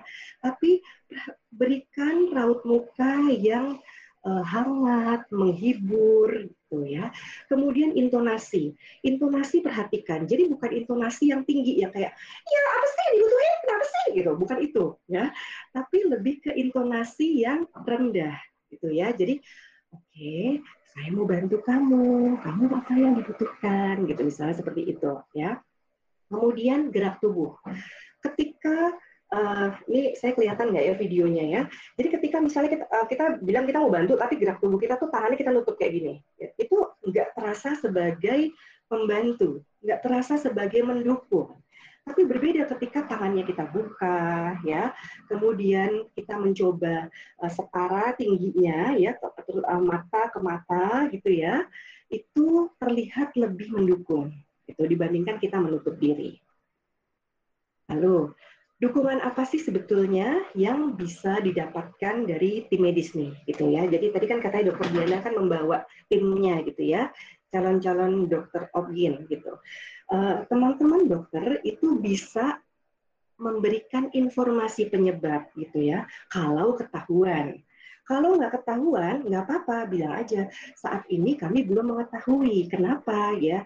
Tapi uh, mungkin apa? Tapi bisa kemudian uh, dokter itu menyampaikan apa yang bisa dilakukan supaya ketahuan penyebabnya, supaya bisa dicegah di kemudian hari. Tuh. Nah, kemudian uh, penting sekali tim medis untuk memberikan saran-saran apa saja yang perlu dilakukan, termasuk info-info administrasi, apalagi mesti ke mana, mesti ke mana gitu. Karena perlu diperhatikan uh, ibu dan ayah yang baru saja mengalami keguguran, ketika dia masih dalam fase kedukaan, sangat mungkin dia nggak bisa mikir. Jadi bersabarlah gitu ya untuk memberikan info-info yang uh, cukup detail gitu jika mereka memang membutuhkan tentu saja dibutuhkan empati gitu ya sehingga um, apa namanya uh, dia betul-betul bisa merasa diterima gitu. Ketika kita berusaha memahami seakan-akan uh, kita berada di sepatunya, maka itu akan jauh lebih membantu. Kemudian uh, dukungan yang lain yang penting untuk dilakukan adalah memberi kesempatan bagi keluarga ini untuk bertemu dengan bayinya ya. Jadi uh, apa jangan langsung uh, apalagi misalnya tadi ya setelah dikuret gitu ya uh, itu bisa janjian dulu sih apakah mau dilihat atau tidak gitu ya. Diberi penjelasan itu nanti kemungkinan bentuknya akan seperti ini apakah ibu mau melihat gitu misalnya seperti itu ya. Usahakan pada saat berkomunikasi jangan menggunakan jargon-jargon gitu. Um, aborsi kuret itu uh, apa namanya mungkin masih agak uh, mudah ya dicerna gitu ya. Tapi perlu kita sadari bagi masyarakat awam kadang-kadang kata-kata uh, apa ilmiah atau kata-kata apa istilah medis itu dipahami secara berbeda gitu. Jadi usahakan menjelaskan dengan cara semudah mungkin. Gitu. Terus Kemudian nggak usah bilang data statistik gitu. Misalnya Anda bilang, ya Anda termasuklah uh, sekitar 15% yang uh, keguguran, jadi biasa aja Bu gitu. Jangan begitu. Jangan, jangan ya. Terus kemudian juga jangan memburu-buru gitu. Jadi uh, duh ibu lama banget sih gitu dijelasin dari tadi nggak ngerti-ngerti gitu. Nah, perlu disadari bahwa seseorang yang sedang berduka itu memang pemrosesan informasinya memang lebih lambat sehingga uh, memang dia lebih lambat untuk mencerna apa yang disampaikan oleh tim medis. Sehingga kalau Anda menyampaikannya dengan uh, cepat gitu ya, pace bicaranya cepat, itu tidak bisa dipahami dan justru dirasa me, apa namanya mengancam. Nah, penting sekali untuk punya keputusan bersama dengan tim medis. Kalau bayinya meninggal, ya kapan induksi akan dilakukan? Ya, apakah hari itu juga atau besok gitu ya? Cara induksinya seperti apa bisa didiskusikan bersama. Apakah uh, si ibu dan ayah ini ingin langsung bertemu dengan uh, bayinya gitu ya, atau menunggu dulu gitu misalnya uh, apa namanya sampai dia misalnya katakanlah setengah jam baru kemudian bertemu, tapi perlu untuk ditawarkan gitu ya, dan jangan lupa disampaikan dulu kira-kira tadi bentuk bayinya itu uh, seperti apa, karena kadang-kadang uh, jadi misalnya oh dia merah bu nanti apa uh, kira-kira besarnya sekian, terus kemudian warnanya kemungkinan besar merah bu, ya gitu. Uh, itu belum seperti bayi bu gitu. Misalnya seperti itu itu perlu disampaikan supaya juga jangan menimbulkan shock bagi si ibu yang uh, apa namanya baru saja mengalami keguguran tadi. Kemudian Nina, berapa? Oh, udah lima menit lagi ya Bu ya. Ketika kalau misalnya ternyata ya bayinya masih hidup gitu ya, di bawah 500 gram tapi masih hidup gitu ya, berarti kan memang sangat perlu peralatan bertahan hidup. Jadi perlu disampaikan peralatan bertahan hidup apa yang perlu dibutuhkan oleh bayi ini. Apakah itu dilakukan di rumah sakit atau dilakukan di rumah. Nah, informasi lain dari tim medis, misalnya Apa yang dapat dilakukan kepada bayi? Apakah dimandikan, dipakaikan baju, dikasih mainan gitu ya di dalam petinya. Terus kemudian apa yang dapat diambil sebagai kenang-kenangan? Apakah misal foto atau foto USG, cap kaki dan tangan, catatan detak jantung terakhir bayi, rambutnya atau gelang rumah sakitnya gitu ya. Terus kemudian upacara apa yang dapat dilakukan di rumah sakit, misalnya upacara pemberian nama atau doa, kemudian pengurusan surat administrasi dan informasi penguburan. Nah, informasi khusus buat ibu penting sekali untuk para tim medis juga untuk menyampaikan dan ini yang sering kali juga sangat dibutuhkan oleh para ibu dan ibu mesti mencari tahu ini gitu ya atau suami yang istrinya uh, apa mengalami keguguran bisa menanyakan gitu hal-hal ini. Misalnya cara mengurangi produksi ASI. Jadi pada beberapa ibu gitu ya misalnya yang sudah uh, pernah hamil, kemudian dia mengalami keguguran di atas usia 12 minggu, itu asinya kadang-kadang sudah mulai muncul gitu. Dan kalau uh, payudaranya kemudian jadi keras gitu, itu juga bisa menimbulkan uh, stres luar biasa pada ibu karena nggak ada yang disusui kan gitu, dan itu mengingatkan kembali akan bayinya. Kemudian penting juga untuk mencari tahu proses apa yang masih harus dijalani oleh ibu. Misalnya obat yang masih harus diminum, pemeriksaan jahitan, kapan harus ketemu dokter lagi. Terus kemudian kemungkinan kehamilan berikut. Jadi kayak tadi dokter Diana bilang, sebetulnya sih bulan depannya juga eh, bisa jadi sudah aman. Tapi kalau misalnya ada kondisi tertentu itu perlu dicari tahu kontrasepsi berikutnya, apakah harus langsung kontrasepsi atau tidak. Kemudian cara-cara mendapatkan informasi ya, jadi kayak nomor teleponnya rumah sakit atau dokter atau website. Nah, uh, suami ketika mendampingi istri penting sekali untuk betul-betul mendampingi ya, artinya memang berada di sebelahnya gitu. Berikan dia waktu mungkin untuk me, apa untuk menangis gitu ya. Ikut bersedih. Jadi ikut menangis itu adalah salah satu hal yang positif sebetulnya ketika sedang berduka.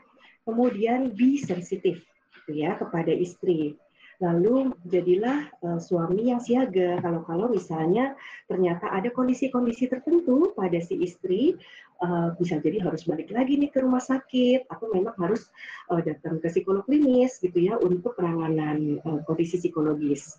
Nah, jangan dilakukan itu adalah menyalahkan istri gitu ya. Aku sebaliknya sok tegar gitu ya. Saya cukup banyak uh, dapat klien-klien yang justru karena suaminya sok tegar, si istrinya ini merasa oh saya dukanya tuh sendiri aja suami saya nggak peduli. Padahal enggak padahal sama dukanya sama gitu ya.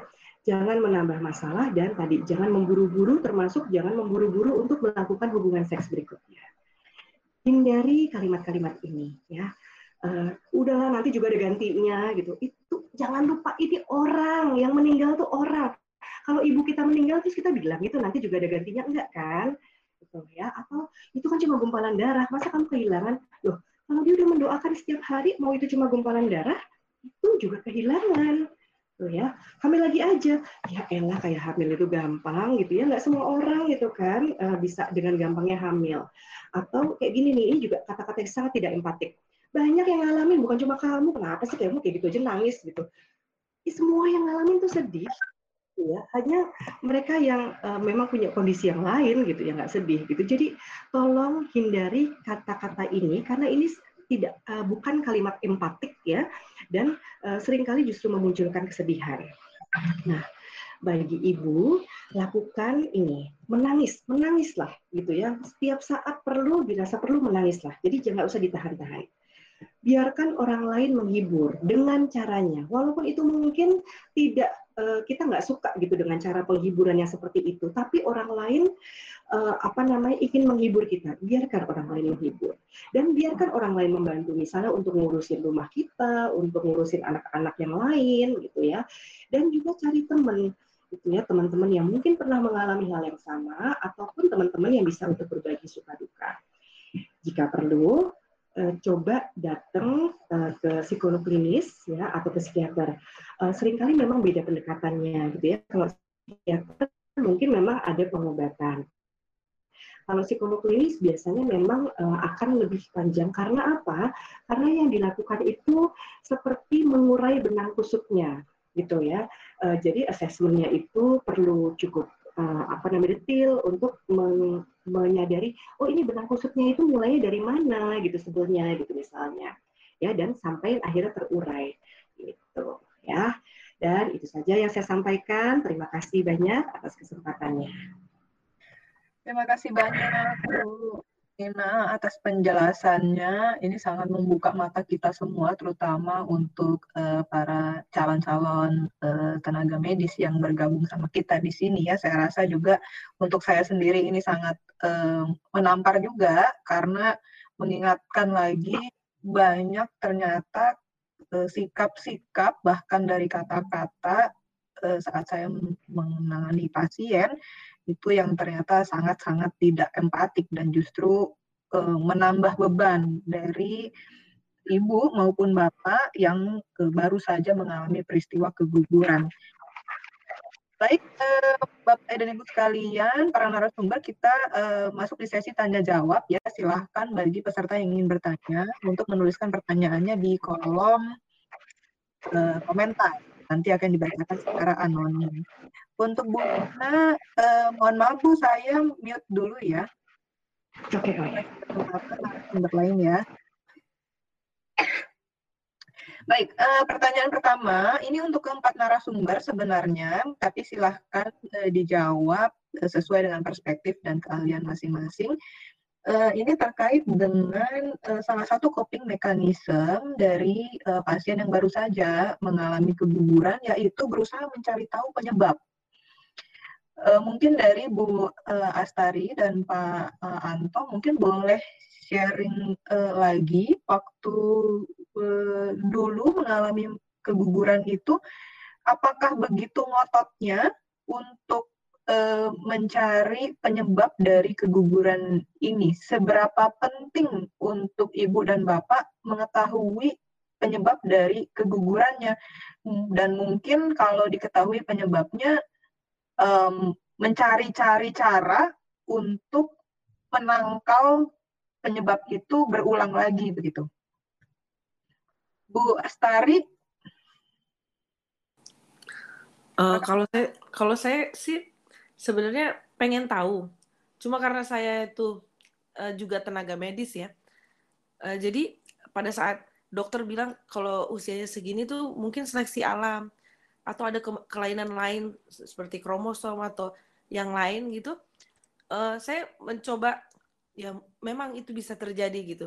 Dan saya juga nggak nggak terlalu mencari tahu lebih dalam lagi gitu apakah yang terjadi uh, yang kehamilan pertama. Tapi waktu di kehamilan kedua saya uh, jadi bertanya-tanya sebenarnya sama dokternya dok apa nih yang harus saya hindari? Atau mungkin belajar dari keguguran yang pertama kemungkinan penyebabnya apa aja nih dok Nah, kemarin ternyata ditemuin bahwa uh, darah saya agak kental seperti itu. Nah, setelah didapatkan itu ya udah uh, saya udah nggak cari tahu lagi gitu ke eh, yang lain-lain misalnya tidak periksa kromosom dan yang, yang lain gitu. Ya, cukup di situ karena untuk penerimaan saya karena saya punya uh, background tenaga medis jadi cepet gitu menerima bahwa oh ini bisa saja kemungkinan ini dan mungkin saja yang lain atau uh, berapa persen yang lain atau sekarang itu uh, penyebab ini kemungkinan besarnya ini ya ya udah saya terima aja gitu. Kayak gitu. Jadi nggak terlalu dalam sih cari tahunya gitu. Jadi kalau dari Bu Astari karena background pendidikan juga ya mungkin sedikit banyak sudah paham ya antara antara butuh dan nggak butuh untuk mencari penyebab ini untuk closure lah istilahnya uh, yang apa yang terjadi dengan uh, keguguran sebelumnya. Kalau dari Pak Anto gimana Pak? Pak Kalau Anto? saya dulu emang nyari nyari ya supaya yang ke depannya pengennya nggak begitu lagi. Awalnya memang kalau yang pertama-tama kan dibilangnya paling kecapean, ya udah yang untuk yang kedua istirahat. Ternyata enggak juga. Terus uh, mulailah itu program. Terus uh, banyak upaya yang udah dilakukan banyak tes yang udah dilakukan. Katanya mungkin penggumpalan darah udah minum obat anti penggumpalan darah gitu deh. Terus katanya juga ada kemungkinan yang tadi imunologi itu terus yang disuntik di bawah uh, kulit tiap tiga minggu itu juga udah ternyata enggak juga dan uh, sampai semuanya hampir semuanya sudah dilakukan dan ternyata jawabannya adalah bukan yang paling kemungkinan terakhir kalau waktu itu kata dokter adalah memang genetiknya nggak cocok. Cuman kalau mau dites pun itu nggak bisa dilakukan apa-apa karena ya genetik itu udah bawaan ya dan kita nggak bisa ngubah genetik uh, kita dan itu cuma good to know dan ya akhirnya ya ya sudah emang nggak ada penjelasan. Penjelasannya adalah tidak ada penjelasan, itu aja. Apakah eh, dengan jawaban dan solusi yang eh, nggak ada gitu, Pak, itu eh, memperberat beban mental di Bapak atau enggak? Kalau dibilang memperberat, kayaknya nggak juga sih. Karena yang penting kita itu sudah berusaha beda mungkin kalau misalnya kita cuma terima doang mungkin itu kita mungkin kalau saya pribadi akan lebih frustasi kalau kita nggak ada usaha sama sekali cuman kita sudah usaha dan hasilnya seperti ini kecewa kecewa tapi yang penting uh, ada yang dilakukan untuk mencari uh, resolusinya apa? Oke, terima kasih Pak Anto jawabannya. Dari Dokter Diana, eh, gimana dok? Eh, untuk kita dari sisi tenaga medis menjelaskan ke pasien, terutama pasien-pasien yang membutuhkan closure berupa penjelasan dari dokternya tentang apa sih penyebab kegugurannya itu, padahal banyak sekali eh, kejadian keguguran yang tidak bisa dijelaskan eh, penyebabnya gitu. Itu eh, bagaimana cara kita sebagai tenaga medis untuk memberikan ketenangan, kenyamanan ke pasien. Silakan dok. Ya, terima kasih. Um, sebetulnya sih kalau keguguran yang lebih banyak kita cari sebabnya pengennya sih semua juga kita cari sebabnya apa ya. Tapi kita tahu bahwa kejadian keguguran itu kalau pengen tahu apa sebabnya idealnya kita memeriksa jaringan bayinya maksudnya dari bayinya kita periksa adakah kelainan, kemudian kromosomnya, idealnya seperti itu. Tapi kebanyakan kejadian keguguran adalah keguguran yang incomplete tadi ataupun komplit. Jadi kita nggak bisa lihat janinnya gitu. Kita cuma dapat sisa-sisa uh, jaringannya aja. Jadi nggak terlalu ideal untuk kita memeriksa faktor apa sebetulnya yang menyebabkan keguguran. Yang kedua juga kalau untuk uh, tracing seperti itu dari keguguran pertama karena paling seringnya adalah kelainan ko genetik bukan sorry bukan kelainan genetik tapi kelainan kromosom pada si bayi atau yang tadi kata uh, tadi seleksi alam. Maksudnya yang yang gugur adalah janin yang memang tidak dapat tumbuh maka kan tidak selalu berulang.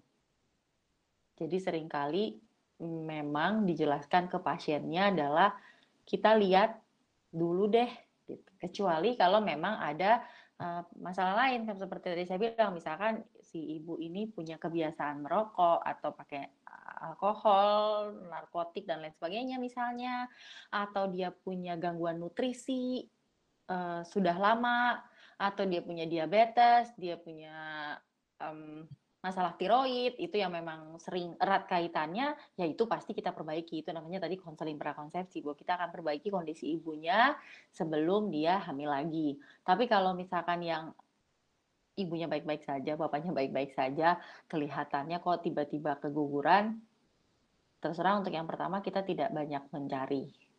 Dan kita akan berbicara statistik. Kita akan berbicara statistik sama pasien kebanyakan sebabnya apa yang pasti men menjelaskan bahwa bukan kecapean semata, bukan karena misalkan, uh, tapi saya kemarin lagi minum pil KB nih dok, apa gara-gara pil KB yang saya minum gitu ya. enggak juga pil KB tidak menyebabkan keguguran gitu kan. Jadi sebetulnya sih kita lebih menjelaskan bahwa oke okay, ibu ini bukan karena si ibunya nih bukan karena si bapaknya. Ini kejadiannya begini Nah, tapi kalau seandainya judulnya adalah keguguran berulang, keguguran berulang itu atau uh, kita biasanya baru menyebut keguguran berulang itu kalau dua kali atau lebih berturut-turut. Jadi seperti yang tadi dialami oleh Pak Anto itu sudah kita sebut keguguran berulang, makanya tadi dicari ini ada kelainan kromosom atau enggak. Memang walaupun tidak ideal idealnya melalui jaringan janin, bisa juga kita periksa darah orang tuanya tadi apakah orang tuanya memiliki uh, resiko untuk kelainan kromosom bagi janinnya. Kemudian selain kelainan kromosom, kita cek hormon, kita cek imunologisnya tadi, apakah ada kekentalan darah kah, antifolipid syndrome. Um, yaitu baru nanti kita trace satu-satu tuh sesuai uh, protokolnya. Ada protokolnya yang dikeluarkan oleh uh, dokter Oljin itu untuk kita melakukan screening, bukan screening sorry, untuk melakukan tracing apakah penyebab dari eh, keguguran berulang. Kayak gitu. Oke, jadi utamanya adalah kita uh, tracing ya dok, sedetail mungkin apa-apa uh, aja yang bisa menjadi penyebab ya. Tapi saya tadi juga mencatat dari dokter Diana supaya uh, dari pilihan-pilihan penyebab itu jangan sampai menyalahkan salah satu pihak ya uh, menyalahkan ibu atau menyalahkan si ayahnya. Uh, dok tambahan sedikit kalau untuk uh, kelainan kromosom sekarang sudah ada solusinya atau belum ya?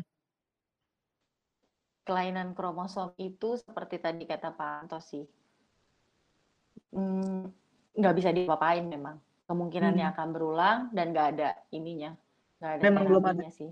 Memang belum ada solusinya ya dok ya. Oke, terima kasih Dokter Diana. Uh, dari Bu Nina, Bu gimana uh, sebaiknya bagaimana untuk sebagai uh, coping mechanism ini apakah perlu sekali sekali untuk mencari uh, tahu penyebabnya gitu Bu dan berusaha mencegah ulang lagi? Oke, okay. jadi uh, gini, secara psikologis ya, uh, sebetulnya pengalaman keguguran, hmm. apalagi kalau bayinya itu memang sudah betul-betul uh, ditunggu, itu adalah yang salah satu yang kita bisa sebut pengalaman traumatik gitu. Kalau kita mengalami pengalaman traumatik itu bagaikan kita punya lubang yang sangat besar gitu ya di dalam kondisi psikologis kita. Nah, jadi caranya untuk menambal dalam tanda kutip menambal lubang tersebut itu memang beragam ya. Ada orang yang marah-marah, ada orang yang nangis terus gitu ya.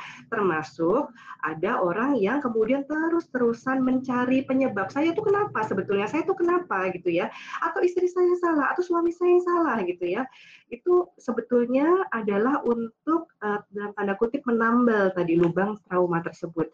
Nah, saya uh, pingin sharing satu kasus yang sebetulnya pernah saya tangani. Saya tadi sempat sharing juga sama dokter Diana. Jadi saya pernah menangani ada satu perempuan, dia mengalami keguguran berulang ya, itu empat kali. Itu. Jadi pada saat dia ketemu saya, itu uh, usianya sudah hampir 40 30 sekian di atas 35 gitu ya sudah empat kali mengalami keguguran. Uh, padahal dia amat amat sangat mengharapkan bayi gitu ya. Dan uh, apa namanya dia sudah diperiksa gitu secara medis itu nggak ada masalah sebetulnya.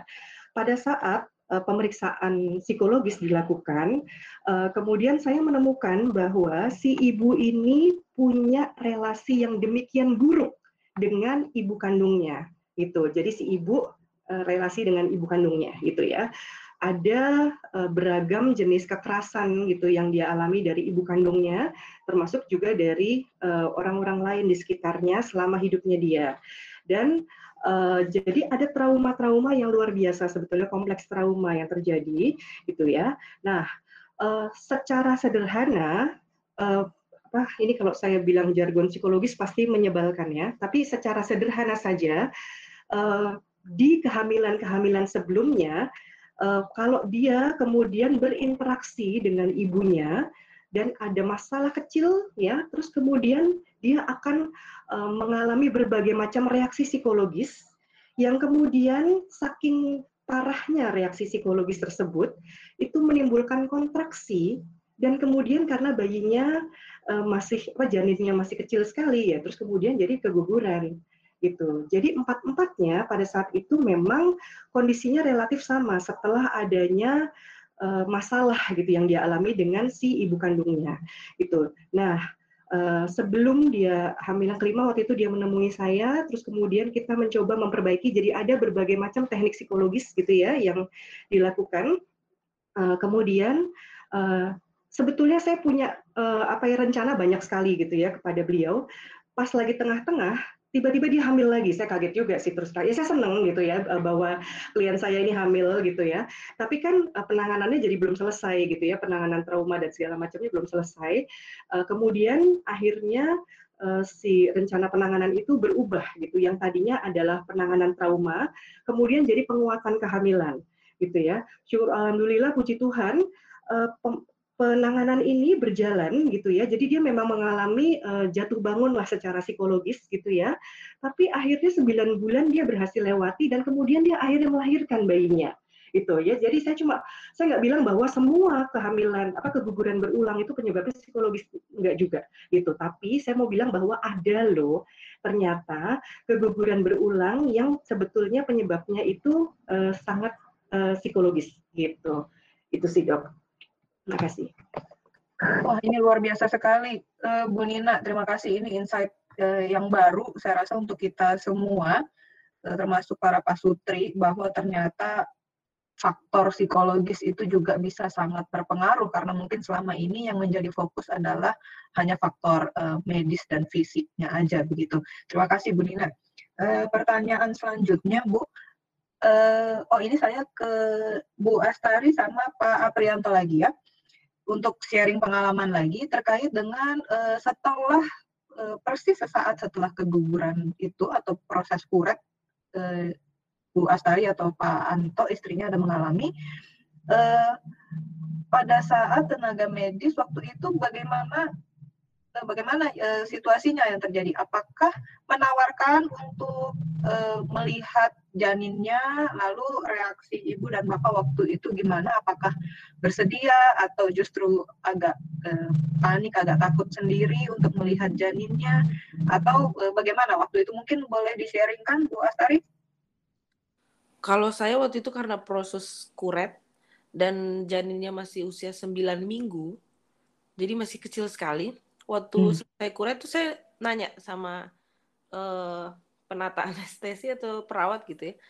Saya tanya uh, uh, jaringannya gimana bayinya? Wah, udah nggak berbentuk uh, dok katanya gitu. Oh ya sudah, udah nggak bisa dilihat jadi ya udah saya terima aja gitu. Uh, tapi apakah waktu itu memberikan seperti uh, bagaimana suatu ke kekecewaan atau kesedihan mendalam karena jadi tidak sempat melihat uh, janin atau gimana bu? Uh, nggak kecewa juga sih. Sebenarnya pengen ngelihat, cuma karena udah nggak udah nggak bisa nggak kecewa-kecewa banget karena udah tahu memang ukurannya sangat kecil pada saat dikuret kemungkinan dia hancur juga uh, ada gitu ya karena udah pakai obat juga jadi ya nggak apa-apa saya cuma sedihnya itu bukan karena nggak bisa lihat janinnya ya karena kegugurannya gitu hmm. Mm -mm. Oke, terima kasih Bu Astari sharingnya dari Pak Anto. Gimana Pak eh, pengalamannya dengan istri waktu itu gimana? Apakah ada ditawarkan? Lalu apakah ada yang dilihat waktu itu anaknya? Ada beberapa kali yang ditawarkan dan kalau itu sih dulu emang saya selalu lihat. Karena kan waktu itu juga uh, oke okay, emang ini emang ukuran jadinya emang masih kecil banget. Tapi uh, waktu itu dokter juga nawarin untuk ada yang diperiksa lah dan itu saya selalu lakukan. Jadi uh, walaupun itu bentuk janin sudah dalam bentuk yang tidak utuh dalam kantong plastik biasa itu tetap saya bawa ke lab. Jadi waktu itu emang saya yang bawa ke lab dan yang keguguran kelima itu karena jaraknya sangat dekat sama yang keguguran keempat. Jadi waktu itu nggak mau dikuret istri saya. Maunya pakai obat. Dan karena pakai obat, jadi itu kantongnya keluar semua kelihatan di situ di di dalam ruang rumah sakit itu uh, kelihatan dan kita semua ngelihat. Cuman kalau yang sebelum-sebelumnya yang koret, ya saya lihat semua memang uh, apakah itu uh, cukup membantu Pak mengurangi uh, tekanan batinnya setelah lihat janin atau justru jadi lebih shock atau gimana Pak? Kalau shock sih enggak ya, karena mungkin memang karena saya yang mau sendiri. Mungkin itu adalah coping saya untuk mencari closure. Dan ya betul tadi apa yang kata yang tadi disebut. Ini tuh orang. Dan diberi nama dan segala macam ya paling nggak saya mau lihat lah walaupun bentuknya kayak apa biar dan mungkin saya berharap itu lebih mudah untuk saya untuk melepas dia dan justru buat saya itu memang membantu tapi kan ini uh, pribadi ya jadi nggak mungkin nggak semua orang akan kayak gitu karena waktu itu istri saya juga nggak mau ngeliat dan itu mungkin coping mekanismenya dia tapi yang terakhir kita semuanya lihat. Hmm, Oke, okay. terima kasih sharingnya Pak Anto. Ke Dokter Tiana, dok, gimana mungkin bisa dijelasin dok, sebenarnya kalau di rumah sakit ada protap khususkah uh, untuk menunjukkan janin atau tidak menunjukkan janin ini setelah uh, ibu keguguran dan baiknya uh, komunikasinya atau penyampaiannya bagaimana dok? Mungkin kalau tadi dari Bu Astari kan ada bilang bahwa uh, perawatnya ada menyebut ini sudah nggak berbentuk begitu. Apakah itu uh, kalimat komunikasi yang enak sebenarnya ke ke pasien atau seperti Pak Aprianto tadi ditunjukkan tapi dalam bungkusan kantong plastik gitu. Apakah itu hal yang sebenarnya etis dilakukan? Uh, dari Dokter Diana gimana dok pengalamannya dok? Baik, kalau secara protokol sebetulnya tidak ada termasuk di dalam protokol bagaimana kita melakukan uh, seperti tadi penawaran untuk melihat ataupun untuk um, apa ya ditanya dulu sebelumnya sebetulnya enggak sih enggak ada dalam protokol tentunya kembali kepada setiap tenaga medis punya gayanya masing-masing kalau menurut saya juga kan uh, orang punya gayanya masing-masing Kemudian kalau uh, mengenai tadi tempatnya apakah menggunakan kantong plastik atau apa, itu juga kembali kepada sumber daya yang ada. Karena tidak semua rumah sakit punya privilege yang sama dengan rumah sakit lainnya. Uh, maksudnya semua vaskes kan nggak mungkin kita sama ratakan. Kalau di tempat saya bekerja memang kita untuk habis spread itu tergantung ukurannya, tetapi kita menggunakan pot. Jadi dimasukkan ke dalam pot transparan. Kemudian kalau saya pribadi setelah selesai panggil keluarga dan kasih lihat. Ini yang saya keluarkan karena kan waktu USG biasanya kita kelihatan ya perkiraannya akan seperti apa nih nanti. Misalkan nanti perkiraannya akan banyak atau sebenarnya sisanya tinggal sedikit. Itu juga suka saya tawarkan sama pasien ini mau pakai obat atau mau dikuret bebas masing-masing ada kelebihan kekurangannya Nah, kalau misalkan milihnya di kuret nih ya, tadi kan saya udah bilang ini nggak terlalu banyak, kasih lihat apa adanya. Mau lihat apa enggak juga ditanya dulu kan, e, mau lihat nggak? Kalau mau lihat boleh, mau foto boleh nggak? Iya, saya terus terang membolehkan asal tidak diposting di sosial media. Karena mungkin ya seperti tadi Mbak Nina bilang, mm, perlu mereka mengenang sosok ini gitu. Kemudian terakhir saya berikan untuk bawa pulang Hmm. Karena dianggap sebagai satu individu mau dikuburkan, ya dikuburkanlah secara layak, walaupun belum kelihatan bentuknya ataupun hanya sisa dari eh, kehamilannya. Itu saya serahkan kepada keluarga. Memang tadi kan Mbak Nina juga sampaikan bagaimana kita bisa menjelaskan kepada keluarga mengenai proses penguburan. Saya sendiri memang nggak pernah menjelaskan sama keluarga tentang proses penguburan uh, seperti apa karena berbeda sekali kalau uh, sudah hmm, bukan keguguran judulnya. Kalau misalkan kematian janin nih, kematian bayi, nah itu kan sudah di atas 20 minggu memang sudah lebih jelas bentuknya. Itu prosedurnya sama seperti kalau kita yang dewasa kan dibungkus dulu, dirapikan dan lain sebagainya. Tapi kalau misalkan yang keguguran memang enggak enggak sama, apalagi yang keguguran tadi enggak jelas bentuknya. ya terus terang kita harus pakai kata nggak jelas bentuknya ya karena hmm. memang nggak jelas bentuknya.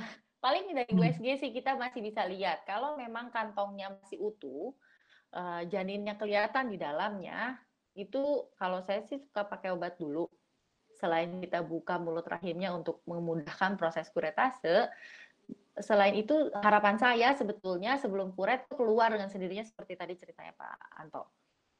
Jadi kadang-kadang beberapa pasien saya malam kita kasih obat sebelum kuret besok harinya, pagi-pagi itu suka dilaporin dok udah keluar, oh ya udah tinggal saya USG, oh udah bersih bu, ya udah tinggal kasih obat terus pulang. Ya nggak jadi kuretnya. Uh, mungkin buat pasiennya juga agak tenang karena nggak perlu operasi,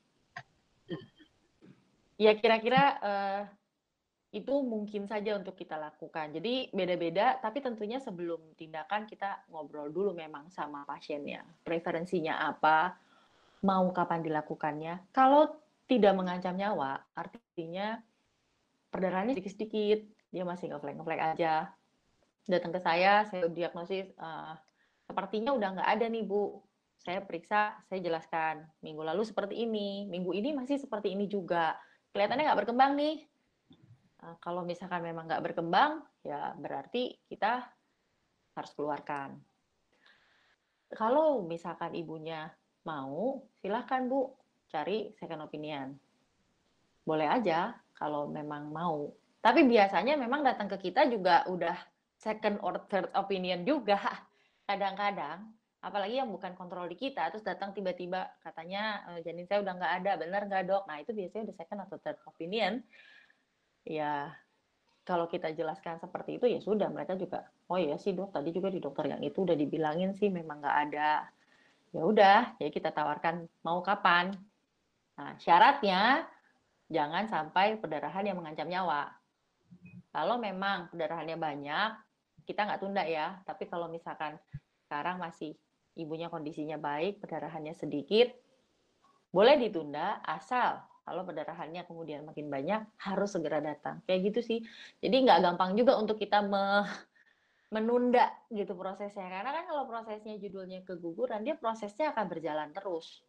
Kalau judulnya sudah keguguran, bukan yang terancam, dia prosesnya akan jalan terus.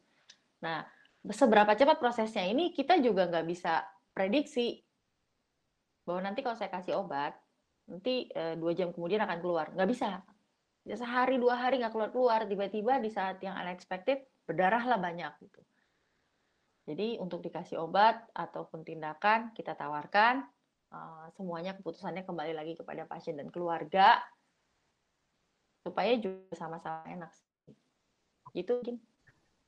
Oke, terima kasih Dokter Diana. Jadi ke kembali ke masing-masing uh, dokter ya keluasannya untuk menghadapi uh, pasien dan case per case juga kita harus lihat uh, pasiennya uh, juga uh, kondisinya bagaimana. Ke Ibu Nina, Bu mungkin boleh uh, diberi tipsnya untuk uh, tenaga medis dalam penyampaiannya untuk menunjukkan janin, terutama untuk janin yang sudah tidak uh, tidak berbentuk lagi atau kepada pasien yang uh, belum mau, bel masih menolak untuk melihat uh, janinnya itu baiknya gimana? Tadi seperti Dokter Diana mungkin ada solusi untuk boleh memfoto atau dibawakan pulang oleh uh, keluarga dulu begitu, uh, itu baiknya gimana Bu? Oke, okay. uh, eh, jadi apa namanya? Memang um, yang pertama uh, sebenarnya ini tanggung jawabnya untuk memberitahu itu juga jangan semuanya kepada dokter gitu. Saya mbak dokter kan juga mesti nanganin banyak pasien sekaligus gitu ya.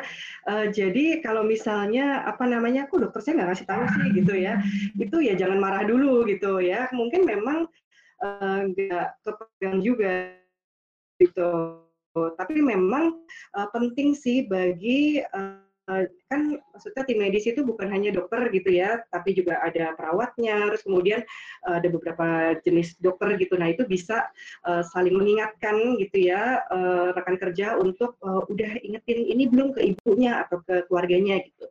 Salah seperti itu. Nah terus kemudian untuk menyampaikan bahwa apa namanya tadi ya janin misalnya sudah tidak berbentuk gitu ya. Ya ini gini, pada dasarnya memang kalau misalnya nggak berbentuk ya nggak mungkin kan kita bilang eh, apa namanya bulat gitu, kan itu tidak mungkin gitu. Jadi memang jangan sampai berbohong gitu. Namun pada saat menyampaikan eh, kita betul-betul perlu menyadari penuh bahwa eh, saya ini sedang mau menyampaikan kondisi seseorang gitu ya. Hanya orangnya itu memang pada saat ini tidak berbentuk gitu. Ya jadi ini juga sama sebetulnya dengan dokter forensik gitu. Katakanlah ada uh, kecelakaan pesawat gitu ya sampai hanya uh, body parts gitu yang uh, bisa di uh, bawa gitu. Ya itu orang gitu tetap gitu. Nah jadi uh, memang pada saat menyampaikan memang sangat perlu hati-hati lihat juga bagaimana reaksi si pasien tersebut gitu. Jadi uh, misalnya kita bisa menyampaikan uh, ibu ini nanti kan uh, apa namanya ibu kan usia kehamilannya ini baru berapa misalnya 10 minggu gitu ya. Nah 10 minggu itu biasanya tuh bentuknya segini bu, ukurannya sekian bu gitu ya. Terus uh, tapi kalau dalam proses kuret itu uh, sangat mungkin nggak uh, akan seperti yang ibu lihat di buku ini gitu ya bisa jadi ya malah seperti gumpalan darah gitu. Nah, uh, saya sangat menghormati keputusan ibu. Ibu mau melihat atau tidak gitu karena memang kalau melihat kan juga mungkin tidak nyaman ya bu. Gitu. Nah, uh, kalau ibu mau bisa uh, dibantu gitu misalnya sama susternya untuk memotokan dulu, memotretkan dulu. Nanti baru kalau ibu sudah siap saja nanti ibu baru melihat gitu. Jadi uh, usahakan memang memberikan uh, pilihan gitu buat si pasien gitu ya. Apakah mau melihat atau tidak kalau mau melihat juga kapan ataukah misalnya yang mau melihat suaminya dulu baru dia gitu ya atau bahkan uh, suami istri ini juga tidak mau melihat dulu gitu misalnya gitu ya. Tapi biarkan pilihan itu adalah pada si pasien gitu. Kalau pilihannya itu ada di tim medisnya gitu ya siapa pun tim medis itu itu rentan sekali nanti pasien tuh menyalahkan di medis iya sih tadi dokternya nggak nawarin gitu.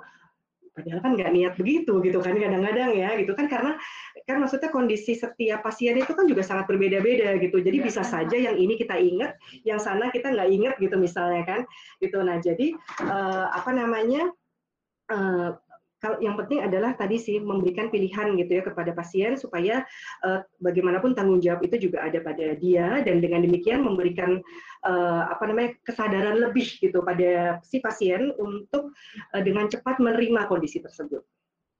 Demikian dokter.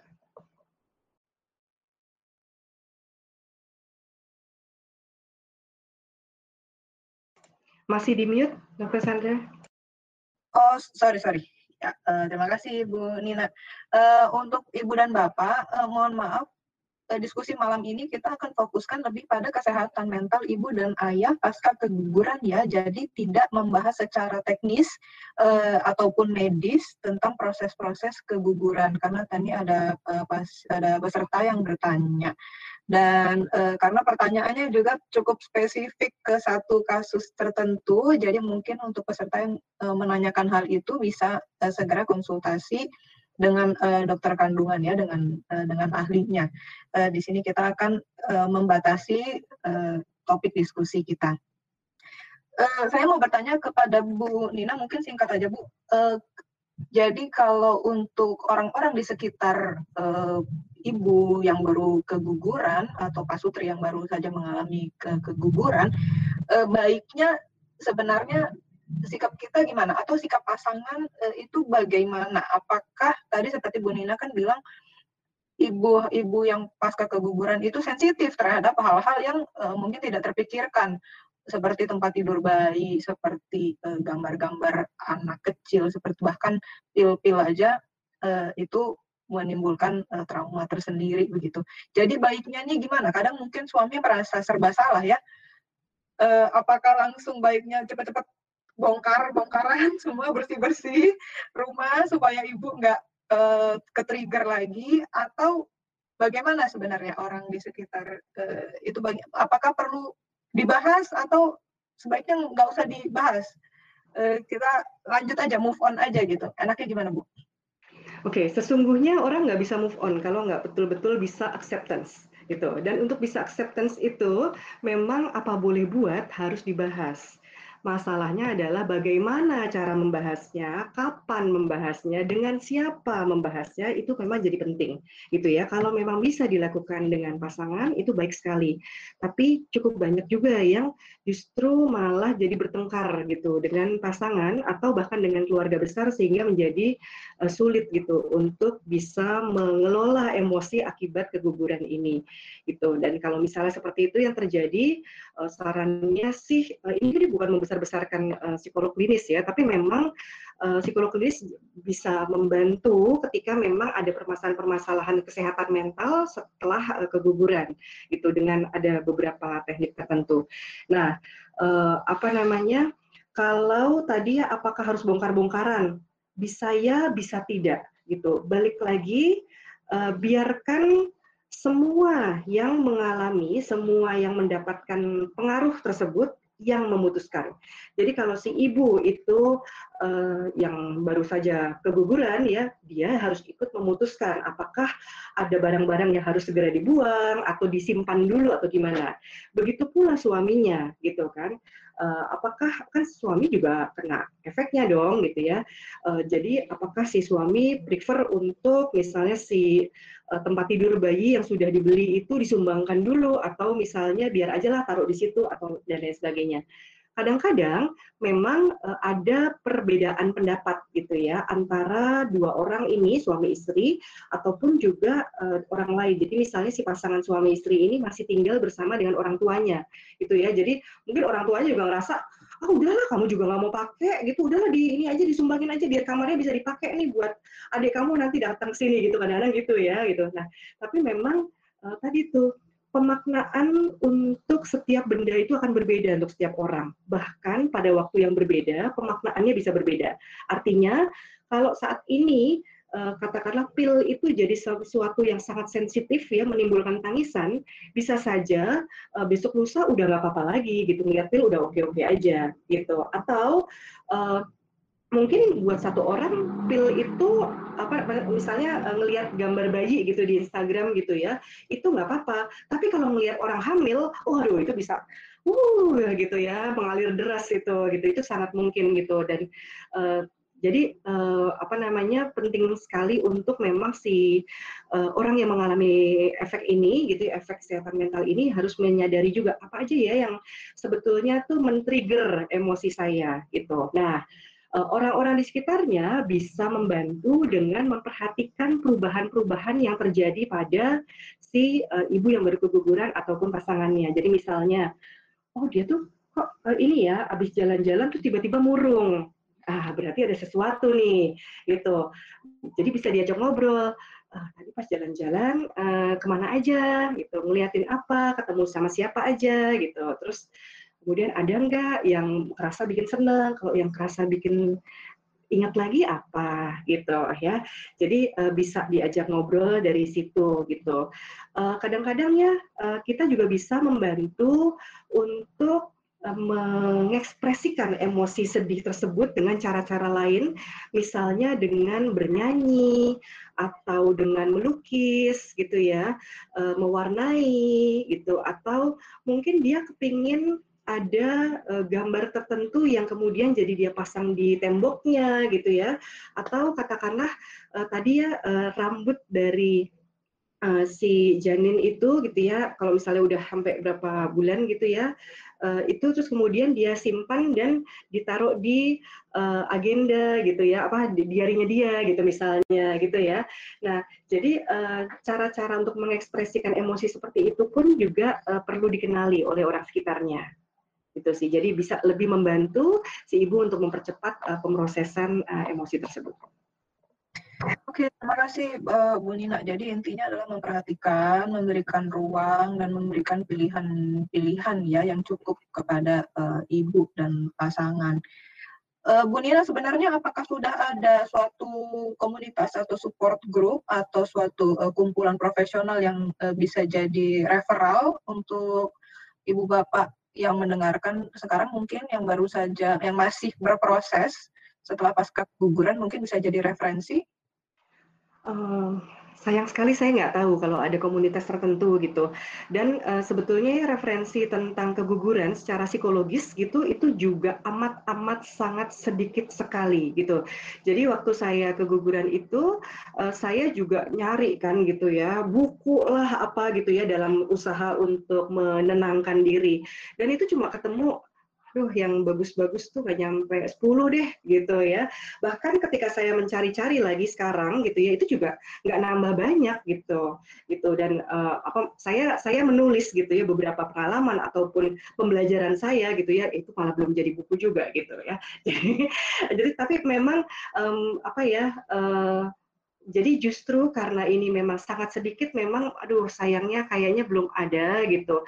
Tapi memang uh, informasi ini menurut saya penting sekali untuk kita sebarkan bersama bahwa kita perlu loh uh, memperhatikan ada pengaruh uh, apa namanya kesehatan mental tuh sebetulnya apa gara-gara proses keguguran ini gitu. Jadi uh, kita harus menangani dengan lebih baik lagi. Ya semoga bisa jadi uh, ide dan inspirasi untuk ibu dan bapak yang mungkin di sini ingin membuat penelitian lebih lanjut lagi tentang uh, kesehatan mental pasca keguguran. Uh, baik, sebenarnya kita sudah uh, di penghujung acara, tapi mungkin satu pertanyaan terakhir boleh uh, singkat dari Dokter Diana atau Bu Nina. Uh, apakah ada uh, perbedaan, Bu, uh, efek psikologis antara kejadian keguguran dengan kalau pengguguran yang uh, diniatkan atau dengan kejadian meninggalnya anak uh, yang uh, sudah pernah berinteraksi gitu dengan dengan uh, ibu dan ayahnya. Karena kalau keguguran kan belum ada interaksi fisik sama sekali. Tapi kalau anaknya sudah sudah uh, lahir, sudah pernah bernafas, sudah pernah ada interaksi, Eh, lalu kemudian meninggal, apakah itu ada efek psikologis yang berbeda atau dengan uh, aborsi yang memang uh, direncanakan? Gimana Bu? Oke, okay. jadi uh, apa namanya kalau dari penelitian gitu yang pernah saya baca, uh, jadi ketika memang uh, stillbirth gitu ya atau yang bayi baru lahir terus meninggal gitu ya, itu memang uh, kemudian uh, em, apa namanya kondisi psikologisnya memang jadi uh, kayak jauh lebih ngedrop gitu ya dibandingkan yang uh, tadi tuh yang hamil apa kegugurannya baru di trimester pertama gitu misalnya gitu ya apalagi kalau misalnya si ibunya ini juga menyadari bahwa oh oke okay, ternyata uh, yang di trimester pertama tuh ternyata cukup banyak gitu ya dan masih bisa juga kok hamil gitu ya, dan lain sebagainya gitu. Nah, uh, tapi overall uh, sebetulnya berat atau ringannya itu uh, antara lain dari uh, banyak hal ya. Misalnya pertama, seberapa diharapkan bayi tersebut gitu ya. Kalau misalnya amat-amat sangat diharapkan gitu ya, seluruh keluarga besar sudah menanti gitu, biasanya memang uh, kondisi psikologisnya jauh lebih ngedrop dibandingkan yang uh, ini sudah anak keberapa, cucu kesekian gitu ya, itu jadi agak berbeda. Terus uh, kemudian um, oh termasuk juga yang ini ya. Oh ternyata uh, katanya laki loh padahal lo gitu ya. Oh kita kan keluarga besar belum ada anak laki gitu. Ini anakku juga udah ada dua tapi perempuan gitu. Nah itu juga termasuk yang uh, sangat dinanti nanti nah terus kemudian yang juga uh, apa namanya menjadi lebih riskan ya jadi faktor risikonya juga itu adalah ketika si ibu ini usianya juga sudah relatif lanjut ya. Jadi misalnya di atas 35 karena kita juga tahu kan di atas uh, usia 35 itu sebetulnya uh, lebih sulit untuk hamil gitu ya. Jadi ketika sampai hamil itu uh, apa namanya kan gini, secara psikologis ibu ini sudah lebih matang dibandingkan ibu-ibu yang usianya baru 20-an awal. Jadi sering kali dia juga punya uh, pemaknaan yang berbeda gitu untuk kehamilannya dan ketika sampai kehamilan tersebut hilang itu kadang-kadang juga dropnya juga jadi lebih besar. Terus kemudian yang juga memperbesar uh, risiko tadi dropnya itu uh, adalah kondisi uh, support sistemnya gitu. Support sistem itu jadi misalnya suami atau uh, keluarga besar gitu ya uh, kalau misalnya mereka tuh mengabaikan emosi si ibu, ini efeknya juga menjadi jauh lebih negatif kepada si ibu. Tuh, nah, terus kemudian uh, yang juga menjadi faktor risiko adalah kalau ibu ini sendiri memang punya beberapa uh, masalah uh, psikologis ataupun masalah kejiwaan sebelumnya, gitu ya. Jadi uh, misalnya uh, dulu waktu gadis tuh berulang kali mengalami depresi, gitu. Nah, kalau sampai keguguran ini uh, risiko untuk postpartum depressionnya itu menjadi jauh lebih tinggi gitu misalnya dibandingkan yang uh, memang secara umum si ibu tuh juga cukup sehat mental. Dari dokter Dian, mungkin ada yang mau ditambahkan dok? Saya menambahkan sedikit aja mengenai tadi kan ada pertanyaannya tentang eh, apakah ada bedanya dengan yang memang diniatkan untuk digugurkan. Um, memang kita di sini secara legal tidak membolehkan untuk um, niat menggugurkan itu ya karena itu termasuk tindakan kriminal uh, jatuhnya. Um, tetapi berdasarkan penelitian di luar negeri sebetulnya walaupun itu diniatkan itu tetap akan mempengaruhi kesehatan mental dari uh, yang berniat menggugurkannya ini maksudnya si sang ibu ataupun si pasangannya. Jadi mungkin ada rasa bersalahnya, mungkin ada rasa uh, ya tentunya mengambil keputusan tidak semudah itu ya. Oh ya udah deh ayo kita gugurin aja. Ayo udah ya udah ya selesai gitu. Gak juga karena saya uh, ketemu pasiennya beberapa kali yang pernah. Jadi setelah bertahun-tahun jadi nenek-nenek datangnya nih gitu. Terus saya tanya anaknya berapa? Sekian. Pernah keguguran nggak? Um, nggak pernah sih dikeluarin gitu. Nah sebenarnya uh, masih apa ya kayak kelihatan sebenarnya sih kalau bisa enggak gitu misalkan kalau enggak? Jadi tetap aja sih dia juga punya artinya bukan berarti walaupun dia yang memilih untuk menggugurkan kandungannya tentunya ada banyak latar belakang kenapa dia kemudian memutuskan hal tersebut. Mungkin dia juga nggak punya pilihan lain saat itu menurut dia sehingga dia memutuskan untuk kemudian mengambil langkah menggugurkan kandungannya. Seperti itu sih. Oke, terima kasih tambahannya Dokter Diana uh, mungkin satu sesi lagi kali ya dok khusus tentang itu uh, itu satu topik uh, besar lagi. Baik, terima kasih banyak uh, ibu dan bapak peserta juga para narasumber sangat banyak wawasan baru dan ilmu yang bisa kita ambil bersama-sama dalam diskusi ini. Semoga apa yang uh, disampaikan dan di-sharingkan di diskusi online ini uh, bisa berguna bagi kita semua di masa depan. Saya ucapkan banyak terima kasih kepada para peserta, juga kepada para narasumber yang telah memberikan waktu uh, dan sharing pengalaman, sharing ilmu kepada kita semua juga untuk uh, Bapak Ibu semua yang ada di sini yang sangat uh, antusias mengikuti diskusi ini uh, untuk peserta yang sudah menuliskan alamat emailnya, nanti materi akan uh, saya kirimkan. Saya usahakan sesegera uh, mungkin. Uh, Oke, okay, nanti uh, rekaman diskusi ini juga akan uh, saya publikasi di channel YouTube Dokter Tanpa Stigma. Uh, agak uh, berlebih uh, lewat dari waktu yang dijadwalkan, tapi mudah-mudahan tidak mengganggu uh, jadwal dari ibu bapak sekalian. Akhir kata saya ucapkan mohon maaf bila ada kesalahan uh, atau kekurangan uh, di dalam diskusi online ini. Uh, dengan ini saya tutup diskusi pada malam hari ini. Selamat malam, salam bebas stigma untuk kita semua. Terima kasih.